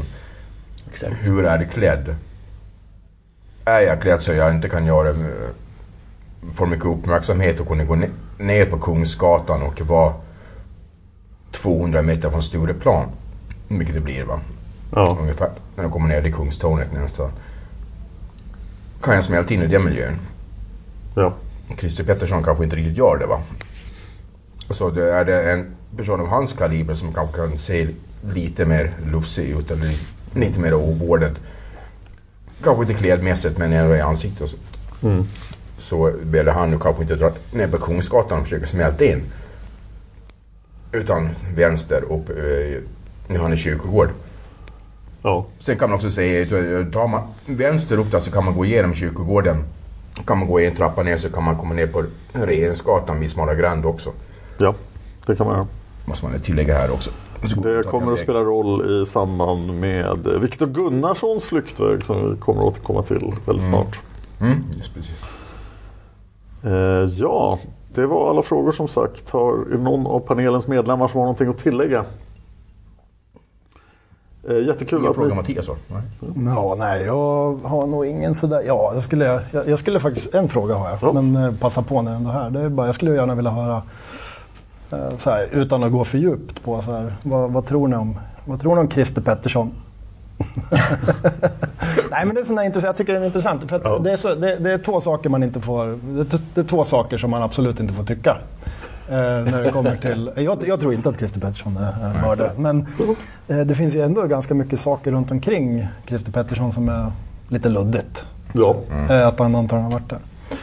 I närheten i alla fall. Eh, men det, det får man ju inte nästan uttrycka att man tror att det, det är Christer Pettersson som har gjort det. Jag tror inte det. Eh, Men, och sen har vi ju eh, PKK som är också lite, lite farligt vatten. Och, för det är ju bara... Men eh, nej, men jag tycker... Det vet inte någon egentlig fråga. Men om, låt säga att Christer Pettersson att det är Christer Pettersson som de har sett vid Grand. Och, och, och då- är frågan varför kan han inte ge en bra förklaring? Och, och- och det är inte han som har gjort det. Varför kan han inte ge en bra förklaring till varför han, eh, om han, om han har varit där, varför kan han inte ge ett bra alibi eller en bra förklaring till att han inte har varit där? Det, det är det jag tycker är, eh, är lite skumt faktiskt med just Christer Pettersson. Jag tänkte om ni har någon åsikt om det? Eller någon idé? Eller det kanske kommer i kommande program. Sven-Åke? Han var ju rätt så smart person, Christer, så han utnyttjar ju situationen rätt så bra. Också, han tjänar en del pengar, det vet vi inte om, med olika program. Och, och han vände och vred och ja, kanske var mördaren. Och, så att eh, han är lite otydlig där också. Så att det, det kan ju vara en del av förklaringen. Ja, det Att skulle han- det att absolut han- vara. Att han liksom var, ja, ville vara lite otydlig där så att får en del skulle kunna, kanske kunna misstänka honom. Och, och sen är han kvar liksom i det där skeendet på något sätt. Va? Så att eh, jag upplever honom som ganska intelligent på ett sätt. Va? Han kunde tala och tala väl och så. Så att eh, det kan vara en del av förklaringen kanske att han var lite otydlig där. Men, eh, Sen tycker väl jag att jag är lite motståndare till att diskutera Christer Pettersson i och med att det är utrett. Alltså, mer än något annat. eh, Och varit uppe i rätten och stötts och blötts. och- Så att jag tycker väl att jag är fortfarande öppen för att det kan vara Christer Pettersson. Men det måste komma fram helt nya uppgifter. Som, som, så att det dras igång lite. Tills dess har man vridit och vänt på Christer Pettersson i alla år. Men, men eh, det är helt okej att ställa frågan ändå. Så att säga. Nej, jag tycker mest, jag tycker mest det är så Mm. intressant just att, att, att det, det, det är ju en sån omöjlig eh, gärningsman. Alltså jag tror inte heller att det är han. Men det, det är ju någonting som, men varför, det, det, det borde vara så enkelt att få han avskriven tycker man. Det, det, det är snarare det liksom. Att, om, för det, det är en sån otroligt udda personlighet. Ja. Nej, jag, jag tycker han är intressant. Jag tycker han är jätteintressant. Ja, det är väldigt spännande. Ja. Men det är inget fel att, att föra fram och diskutera. Det är sant. Det är aldrig fel att föra fram och diskutera. Eh, Det var allt vi hade tid med den här gången. Jag hoppas ni uppskattar det långa avsnittet ändå. Palmemordet finns på Youtube och på Facebook. Så gå gärna in och prenumerera och likea. Och nästa vecka fortsätter vi med Viktor Gunnarsson. Tack för att ni lyssnar. Man hittar Palmes mördare om man följer PKK-spåret till botten. För att ända sedan Julius Caesars tid har det aldrig hört talas om ett mord på en framstående politiker som inte haft politiska skäl. Polisens och åklagarens teori var att han ensam hade skjutit Olof Palme. Och det ledde också till rättegång. Men han frikändes i hovrätten.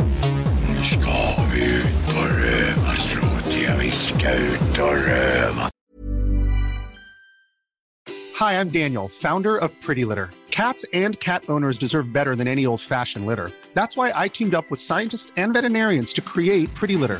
Its innovative crystal formula has superior odor control and weighs up to 80% less than clay litter.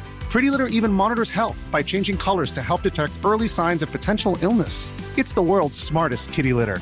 Go to prettylitter.com and use code ACAST for 20% off your first order and a free cat toy. Terms and conditions apply. See site for details. Cool fact a crocodile can't stick out its tongue. Also, you can get health insurance for a month or just under a year in some states. United Healthcare short term insurance plans, underwritten by Golden Rule Insurance Company, offer flexible, budget friendly coverage for you. Learn more at uh1.com. Hey, it's Paige DeSorbo from Giggly Squad. High quality fashion without the price tag? Say hello to Quince. I'm snagging high end essentials like cozy cashmere sweaters, sleek leather jackets, fine jewelry, and so much more. With Quince being 50 to 80% less than similar brands. And they partner with factories that prioritize safe, ethical, and responsible manufacturing. I love that. Luxury quality within reach. Go to quince.com slash style to get free shipping and 365 day returns on your next order. Quince.com slash style.